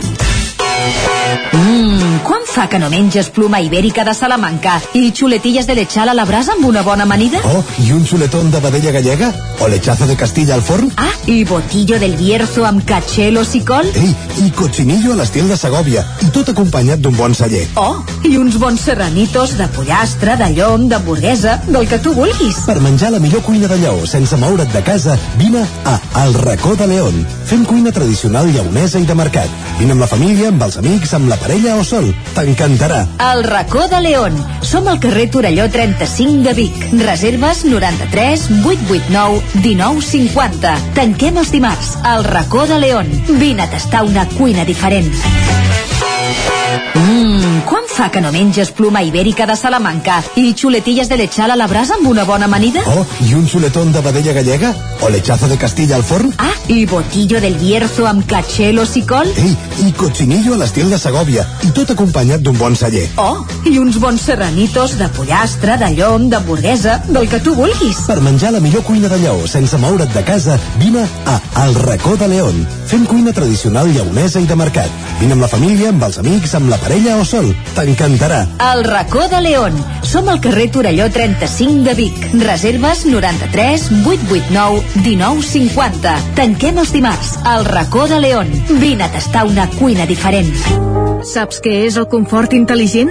És tenir un terra radiant Giacomini a casa. Benestar que no es veu, però es nota tot l'any. I que pots controlar a distància des del teu mòbil, estalviant energia i diners. Suma't al confort intel·ligent amb Giacomini. Informa't a giacomini.es o truca al 93 884 1001 i t'ajudarem a tenir un terra radiant a casa o a l'oficina. Giacomini, la climatització que et mereixes. Les males herbes no et deixen veure-hi clar?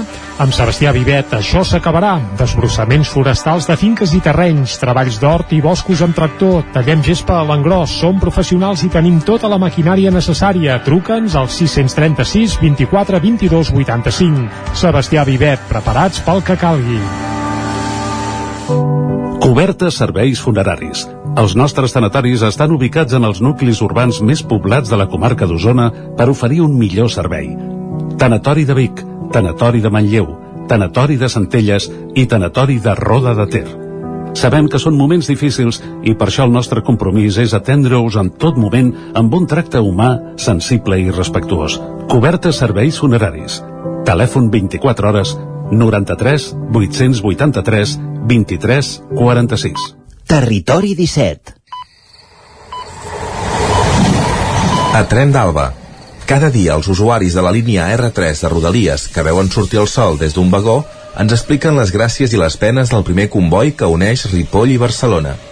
Benvinguts a Tren d'Alba. La piulada del dia és la del Ministeri de Transports, Mobilitat i Agenda Urbana, que diuen que l'excusa per no utilitzar transport públic per molta gent és perquè no volen dependre dels horaris. A més, diuen que Espanya té les millors infraestructures i les millors freqüències mitjanes d'Europa. No sé si he de començar a riure o plorar d'aquesta mentida, però sí els endarreriments, les cancel·lacions de trens, la falta de megafonia, les escales mecàniques espatllades, les andanes amb llambordes aixecades o el mal aspecte de les estacions són una constant a Catalunya. En voleu proves? Escolteu la Glòria Francolí. Hola, molt bon dia. Aquí la Glòria des de Torelló.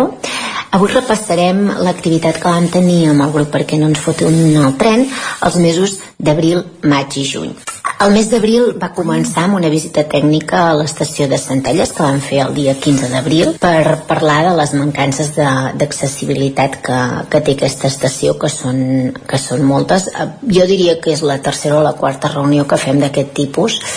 Um, l'estació de Centelles és, és una estació que, que és molt vella i tot i que hi han fet algunes reparacions així petites, la veritat és que convé una reparació global de, de tota l'estació i sembla que, que està sent complicat aconseguir-ho. Però bé, en el mes d'abril ens vam trobar amb, amb Renfe i, i vam fer aquesta, aquesta visita. Una cosa important també d'aquest eh, segon semestre del 2021 va ser l'obertura del túnel de Tostes, que va ser el dia 9 de maig. Això va anar juntament amb l'eliminació de les limitacions de velocitat d'aquest túnel, que es van aconseguir el dia 21 de juny. Penseu que les obres del túnel de de Tosses van eh, tardar 10 mesos i mig i que van provocar realment, ens van portar molta feina al grup del tren perquè durant molt de temps era vam haver de lluitar molt perquè hi hagués el servei alternatiu de tren, per exemple, des de, des de Ribes, que ells inicialment volien posar-lo des de Ripoll, és a dir, en lloc de fer parar el tren a Ribes, fer-lo parar a Ripoll, i també va ser complicat el tema de pujar les bicicletes a, a l'autobús perquè quan arribaves a Ribes si anaves en bicicleta no la podies pujar a l'autobús. I això ens va portar es semblarà una tonteria però molts correus i moltes trucades i una mica d'enfadamenta però bueno, finalment el, el tren es va obrir com de, ai, el, el túnel es va obrir com dèiem el mes de maig i, i nosaltres eh, això ens va, ens va fer molt feliços perquè les obres que es van fer com ja deveu haver vist a la, a la, a la premsa van ser molt importants i van, van convertir aquesta, aquest aquesta part del recorregut, que era certament perillosa, doncs l'han feta pràcticament de nou. I no res, un segon semestre que va ser ple d'activitat, ja ho veieu. Dos exemples claríssims. El mal estat de l'estació de Centelles, que té un munt de mancances d'accessibilitat i a sobre és antiga, i a més només s'hi han posat pedaços, com deia. I el tema del túnel de Toses. És un escàndol. Quants mesos va estar tancat? Almenys s'ha de dir que ja està arreglat, però realment posar transport alternatiu i no buscar solucions per les bicicletes no és un punt favorable. Per cert, estàs molt sol·licitada pel que hem pogut escoltar per les vibracions del mòbil que van sonant. Serà gent emprenyada al col·lectiu perquè no ens fotin el tren amb tota la gent de Renfe? Va, ens retrobem demà amb més històries del tren i de l'R3. 3. Territori, Territori 17. 17. Territori 17.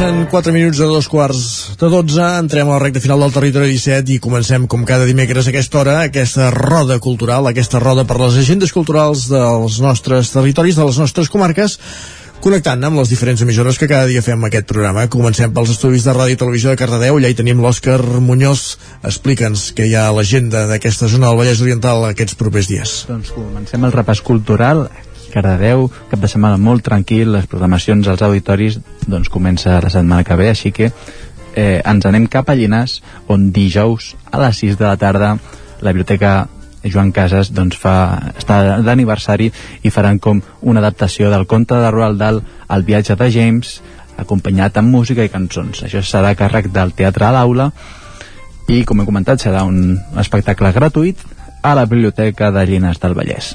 I si no, també dissabte a les 6, també al Teatre Auditori de Llinars, tenim Descobrint una banda sonora. Es descobrirà la música de la, de la Passió de Llinars del Vallès i ho faran amb un quartet de corta a la Sala Tallers, un concert gratuït d'uns 60 minuts de durada. I al final de l'acte es farà la presentació de la nova imatge del cartell de les representacions de la Passió de 2022 amb l'intervenció del seu dissenyador, Xavier Morell, que també és l'autor de la caràtula del disc que recull la banda sonora. Entre els assistents s'ajustejaran dues entrades per les representacions d'enguany. I acabem a Granollers amb dues activitats destacades. Divendres a les 8 al Teatre Auditori de Granollers tenim dansa a càrrec de IT Dansa, una jove companyia formada per 17 joves ballarins internacionals talentosos. L'espectacle que ens presenta està compost per quatre peces de dansa i la quarta serà una nova peça que estarà a la companyia, així que doncs, trobem entrades de 10 euros al Teatre Auditori de Granollers com hem dit, acabem amb un concert a la sala 9BU. Tenim el grup madrileny Tondra, un directe que els ha portat ràpidament a convertir-se en una de les bandes instrumentals més aplaudides d'Europa i en un temps rècord doncs, han publicat tres discos de manera eh, independent i han actuat a diferents festivals europeus més rellevants, incloent el Primavera Sound i el FIP. Això serà dissabte a les 10 de la nit a la sala 9BU a Granollers. Prenem nota de tot això, Òscar. Moltíssimes gràcies. Parlem demà, si més no que acabi d'anar molt bé aquest dimecres i de Ràdio Cardeu anem a Ona Codinenca allà ens espera en Jordi Givert per conèixer l'agenda de Sant Feliu, de Caldes, del Moianès Jordi, bon dia mm. Hola, bon dia. Doncs, Quina és l'agenda? Hi ha molts actes aquí, o no? Ha revifat la cosa? Uh, ens queden concentrats al, al Moianès. Uh, els actes que tenim, que uh, aprofitant que són festes majors d'hivern a diferents pobles, uh, fan diferents activitats uh, culturals. Uh, amb un apunt d'avui mateix, uh, aquest vespre, uh, més de cultura popular, és que sortiran el, els garrofins i el pollo a la vigília de Sant Sebastià, és uh, aquest ball tradicional que fa la canalla de la capital del Moianès, acompanyats d'aquest personatge peculiar que, que enreda i, i fa riure a la gent que, que s'ajunta per, per veure aquest ball de, de garrofins. A partir d'aquí eh, ens hem d'anar ja cap al cap de setmana on dissabte eh, hi ha diferents activitats. Eh, per exemple, eh, tenim eh, l'escena 42, el, el Festival de Teatre Amateur de, del Moianès, de, de Castellterçol, que a la tarda celebrarà una de les obres que és Històries de l'avi Josep. És una obra de teatre que surt precisament d'un programa de, de ràdio, d'una secció d'un programa de ràdio, i que tracta d'una noia, la Mar, que, que explica les històries que, que li explicava el seu avi, i en un tàndem de dos actors van representant uh, aquesta, aquestes obres. Encara es poden comprar entrades uh, via Code Tickets. Uh, també tenim una altra uh, activitat uh, del Cercle Artístic del Moianès que farà una taula rodona dissabte al matí a la Biblioteca 1 d'octubre de, de Moià uh, estris digitals contra eines analògiques uh, amb la participació, com dèiem, de diferents ponents de, del cercle artístic del, del Moianès. I per acabar tenim uh, a Calders, uh, a la festa major d'hivern que està dedicada a Sant Vicenç, la presentació dels orígens de la història uh, hostalera de, de Calders. És una síntesi publicada en motiu del centenari de, de Cal Soldavila, un de, dels uh, hostals del, del municipi, i està feta a càrrec de la historiadora Mireia Vila. Perfecte, moltíssimes gràcies Jordi. Doncs que vagi molt bé aquesta setmana encara de festes d'hivern per aquí al Moianès. Parlem més tard. Eh, parlem un altre dia, una altra ocasió, gràcies, bon dia.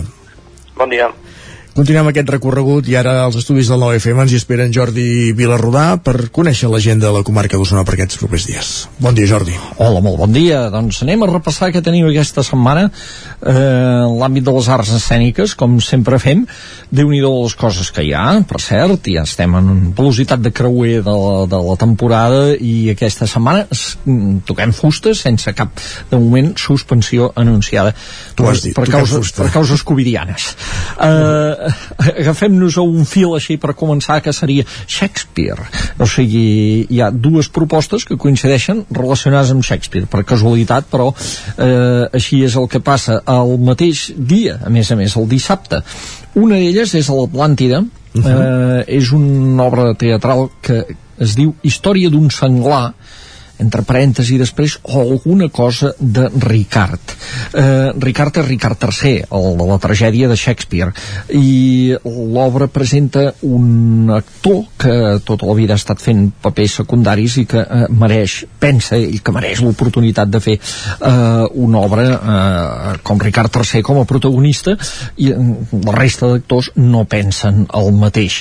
Comencen a florar doncs, en el seu monòleg les eh, afinitats d'ell de, amb aquest personatge, amb, amb Ricard III, eh, eh, o, o les que ell es pensa que té, ambiciós, intel·ligent, que té ànsia de poder, que no es ah, per perdre el temps amb altres, etc etc i s'entrellacen d'alguna manera les dues històries. Eh, aquesta eh, obra és una obra que va escriure Gabriel Calderón, la traduïda al català en Joan Sallent, i en Joan Carreras és l'actor, de fet, ja dèiem, és un monòleg, eh, eh que fa el paper d'aquest eh, d'aquest intèrpret que vol fer Ricard III, tant sí com no. Això és el dissabte a les 8 de vespre a la sala Ramon Montanyà. Hi haurà una mena de recorregut a la programació d'aquest aquest primer trimestre a, al voltant de Shakespeare amb altres propostes que, que tindran a veure amb ell. I ens anem a Manlleu. De fet és mitja hora més tard el dissabte dos quarts de deu al Teatre Municipal és a dir, al Teatre o sigui, Centre. Els dos Shakespeare no els podem fer, hem de triar un o l'altre. S'ha de triar un o l'altre eh? Tenim un tal Shakespeare, en aquest cas és amb un to una mica, a, a veure, també partint de Shakespeare, eh, sempre estem parlant de creacions sobre Shakespeare, eh? i en aquest cas és eh, un to molt diferent, perquè ja direm qui és el protagonista, és en Marcel Tomàs, en Marcel Tomàs és un clown, un pallasso, eh? eh i, i, i per tant, doncs, eh, aquí és mm, sí, sí, ell d'alguna manera fa un repàs a dir eh, si ets un personatge de Shakespeare tens moltes maneres de morir. Eh, és, és, els personatges de Shakespeare són herois malvats, traïdors, reis enamorats, etc etc etc i ell va fent doncs en un show eh, entrades i sortides d'escena com en aquests eh, de, de, de, de tots aquests personatges. Una bogeria de clown d'alguna manera eh, amb, amb direcció d'ell mateix de, de, del Marcel Tomàs i eh, l'acte, la representació s'inclou dintre dels actes de la, de, de les festes dels Tonis de Manlleu eh, que, que en tenen molts més d'actes i, que, i que repassarem divendres aquí eh, oh, per el company Miquel Ar eh, anem per altres propostes d'aquest cap de setmana. Destaca també el divendres a les 10 de la nit al Teatre Eliseu de Roda l'actuació d'Entremendo en un espectacle nou en Dani Rifà l'espectacle es diu d'estar per casa i, i també és una celebració dels anys que porta a l'escena eh, aquest espectacle on si voleu saber més detalls els explicarà ell mateix, el mateix Dani a la Tremolla del Nou TV perquè serà un dels convidats de l'edició d'aquest dimecres del programa. Eh, divendres a Roda per tant. Eh, més propostes. Eh, n'hem de recollir alguna que, que d'alguna forma vaja, de fet és, és una recuperació de representacions encara d'època nadalenca eh? eh, que es van haver d'anul·lar per culpa del Covid i així tindrem que la nau especial de Centelles hi ha dues representacions dissabte eh, i diumenge de No som pastorets un espectacle creat per la Violeta una, una mirada eh, humorística cap al, cap al clàssic dels pastorets eh, que el seu moment doncs, es va de suspendre per qüestions covidianes de la companyia dels, dels actors que el representaven i que ara es pot recuperar recuperar aquests dos dies en dues sessions a dos quarts de sis de la tarda a la nau espacial de Centelles. Més propostes per aquest cap de setmana. Ens anem a la polivalent de Ceba. Eh, serà el diumenge a les 6 de la tarda l'espectacle Amb veu de dona.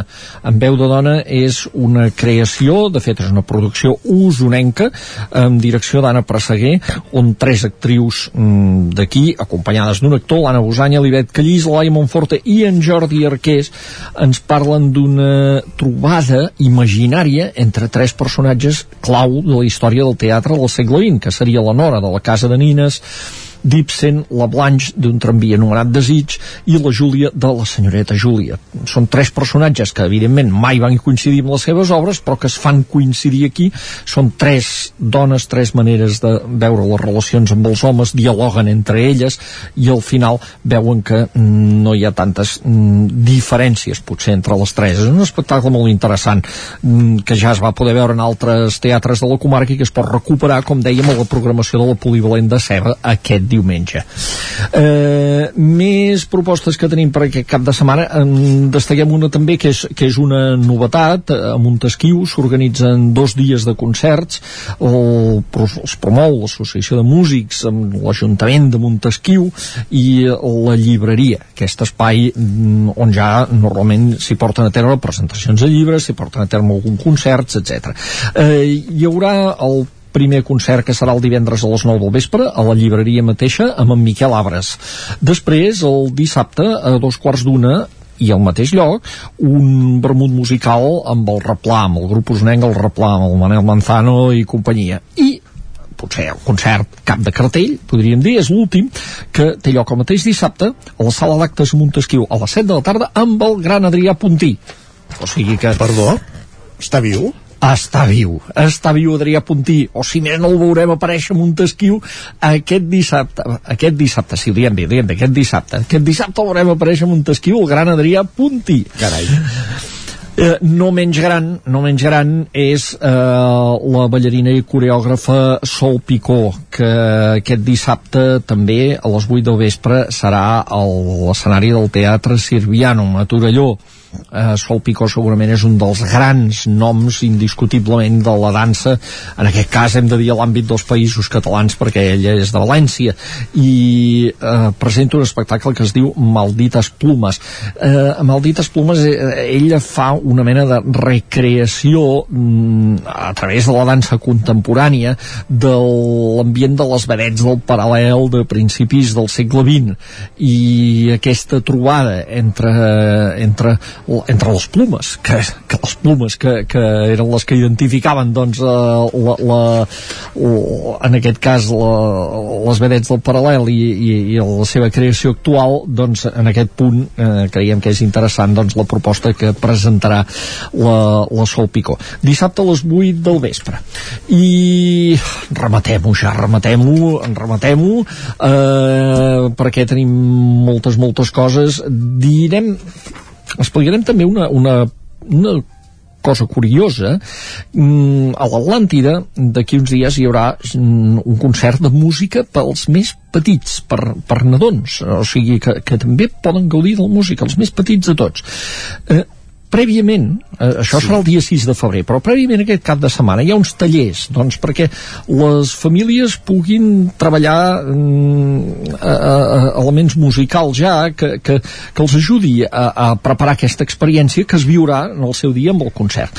Són uns tallers musicals complementaris que, que tindran lloc doncs, el dissabte en tres sessions, n'hi ha una d'exaurida, les altres dues són disponibles encara, la gent s'ha d'inscriure prèviament, a edat recomanada de 0 a 30 36 mesos, de 0 vol dir 0, eh? o sigui allò, els que acaben de néixer pràcticament, doncs eh, fins als 3 anys i jo he assistit una vegada doncs, un concert d'aquests per nadons i la veritat és que és una experiència nadó, molt més, curiós, de més grandet diguem, ah, d'una mica més grandet de, per explicar, per veure què, què passava allà, com ho vivien. Doncs, doncs, eh, doncs és molt curiós i realment eh, ho gaudeixen molt tant els eh, pares, les famílies com, com sobretot els petits que per ells es fa i qui vulgui preparar-ho, doncs avançar-se ja i, i crear ambient al voltant d'això i saber com s'han de comportar també el dia del concert, tots plegats, doncs eh, tindran opció de fer-ho aquest dissabte a l'Atlàntida, dintre el programa de l'Atlàntida Duca. Molt bé, prenem nota també. I tanquem, eh, tanquem, ens n'anem a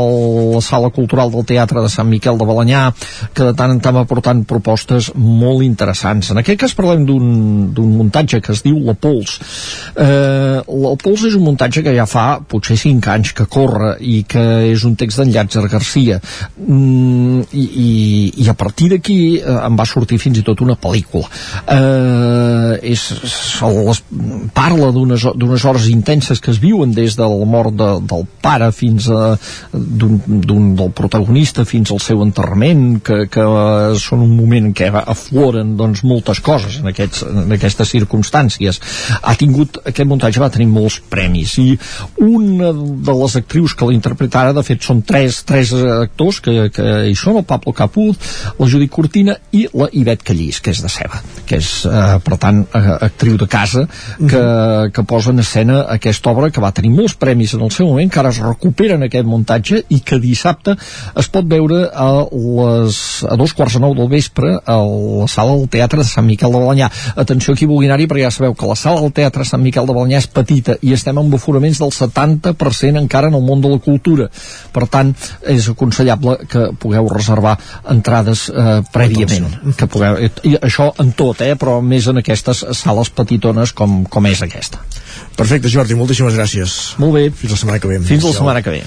I el que fem ara, abans d'anar fins al Ripollès, amb l'Isaac Montades, la veu de Sant Joan, és posar-hi una mica de música. Un d'aquests concerts que ens avançava en Jordi Vilarruda aquest cap de setmana serà divendres a les 10 de la nit al Teatre Liceu de Roda, on Tremendo hi presenta d'estar per casa aquest seu nou espectacle, i aquesta és una de les cançons, una de les últimes cançons que, que ha publicat en Tremendo, en Dani Rifà. Perdre els papers.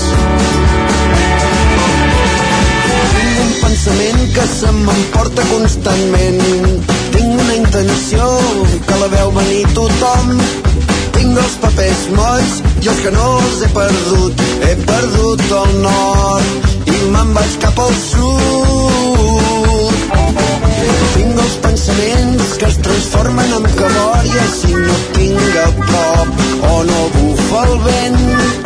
He passat tant temps pensant en tantes coses tan absurdes que es fa etern i se'n fa un infern. Tot surt nova l'ordre.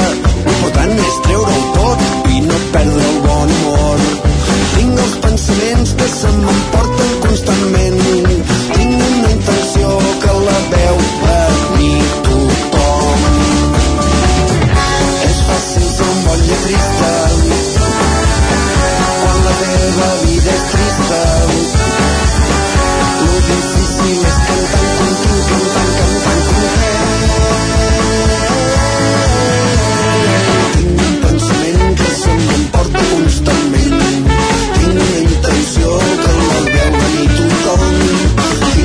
pels mons i els canons he perdut, he perdut el nord i me'n vaig cap al sud.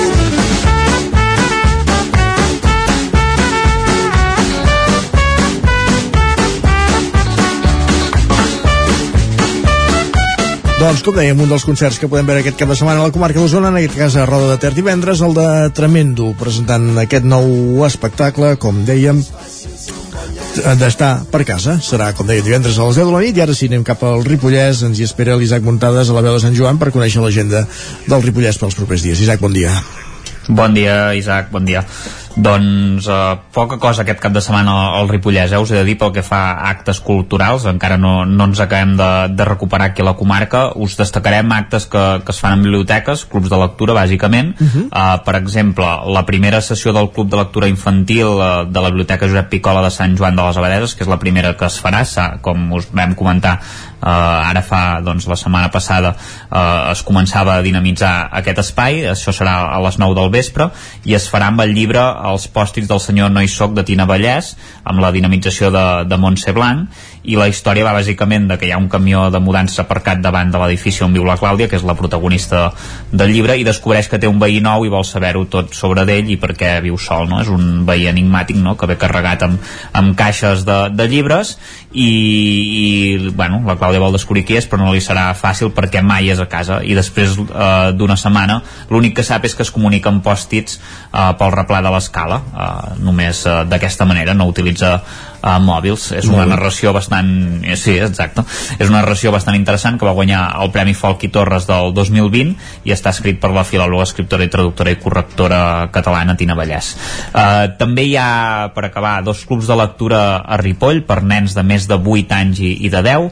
El primer serà aquest divendres a les 6 de la tarda, dirigit per Montse Maestre, cal confirmar assistència i el llibre que, del qual parlant serà La capitana Rosalí de Timothée de, de Fontbel és un llibre que se situa a l'hivern del 1917 i parla de la Rosalí que és una nena que té 5 anys i és una capitana que té una missió molt secreta que en aquest cas no és cap altra que aprendre a llegir. I la mare li, li llegeix les cartes en veu alta que el pare li envia des del front de guerra de la Primera Guerra Mundial però a mesura que la missió avança doncs la Rosalí comença a desxifrar lletres, paraules, frases fins que arriba el dia que és capaç de llegir tota sola i llavors descobrirà la veritat sobre la guerra i les seves conseqüències. Per tant també és, a part d'aprendre a llegir també té un, un trasfons bastant interessant aquest llibre. I, i l'altre grup de lectura de més de 10 anys parlarà sobre el llibre L'Helena en Trilla i el mar de, és un llibre de Maripar això serà també aquest divendres eh, des, just després de, de, del club de lectura de, de, de nens de, de més de 8 anys a un quart de 8 del vespre eh, també dirigit per la Montse Maestre. I aquest llibre parla de l'Helena que és la protagonista i de vegades doncs, pot ser una mica de, desagradable i el seu amic en Trilla sempre es pregunta doncs, per què sempre ho fa tot tan difícil. I aquest any eh, de, del llibre serà especial perquè tindran una amiga nova, una nena dels Països Baixos que es diu Brigitte però, però bé, eh, l'Helena continuarà estant empipada i, i tindrà raons perquè ella doncs, eh, juga amb un equip, l'entrenador nou sempre la deixa a banqueta uh, no arriba el germanet que li agradaria tenir il·lusió de, de tenir. Uh, quan surten uh, a navegar amb un rai amb una barca les coses no van gaire bé i bé, doncs li passen tot un seguit de, de desgràcies o, o, de, o de situacions que no, que no li agraden en un any de, de bojos i, i bé, veurem si poden aconseguir doncs, lluitar contra les forces de la natura i, i superar-ho. Aquests són, són bàsicament les coses que tenim aquest cap de setmana al Ripollès perquè no, no tenim massa activitats i segurament algunes de les que hi hauran s'anunciaran també a última hora que és el que s'està fent darrerament aquí a, a la comarca. Cap de setmana, per tant, literari. Gràcies, Isaac. A vosaltres. Bon dia. Adeu. Bon dia. I acabem amb música. Ens ho pensava l'Òscar Muñoz, un dels concerts que es pot veure aquest cap de setmana al Vallès Oriental, a Granollers, concretament a la sala 9BUs, el dels madrilenys Tundra, que presenten el seu darrer disc, Ex. D'aquí n'escoltem El Odio, parte 1. De fet, hi ha fins a tres parts d'aquest odi en aquest disc de, de Tundra. Amb ells acabarem el programa d'avui.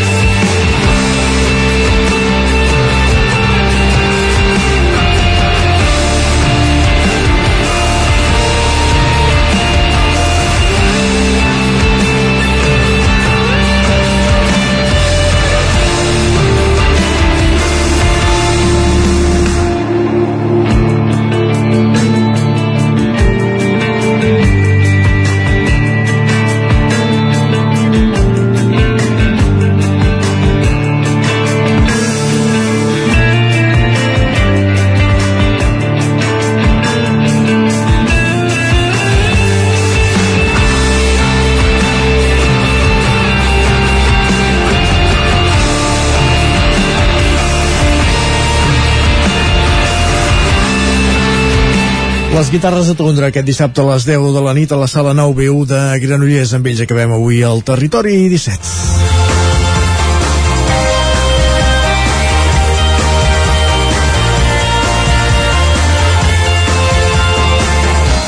El magazín que us acompanya cada dia a partir de les 9 del matí i avui en el qual us hem fet companyia Pepa Costa, Òscar Muñoz, Guillem Sánchez, Miquel R, Guillem Rico, Núria Lázaro, Isaac Montada, Jordi Givert, Jordi Vilarrodà, Jordi Sunyer i qui us parli, Isaac Moreno. I tornem demà a la mateixa hora. Fins aleshores que vagi molt bé. Bon dimecres. Adéu-siau. Territori 17 un magazín del nou FM. La veu de Sant Joan, Ona Codinenca i Ràdio Cardedeu amb el suport de la xarxa. El nou FM.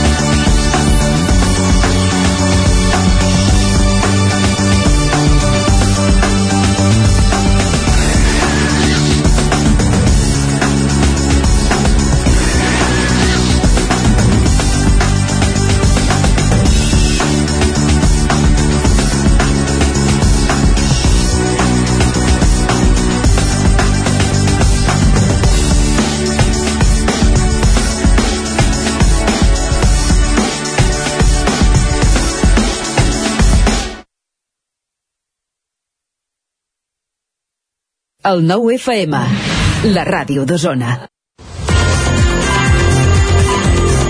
El nou FM. Notícies.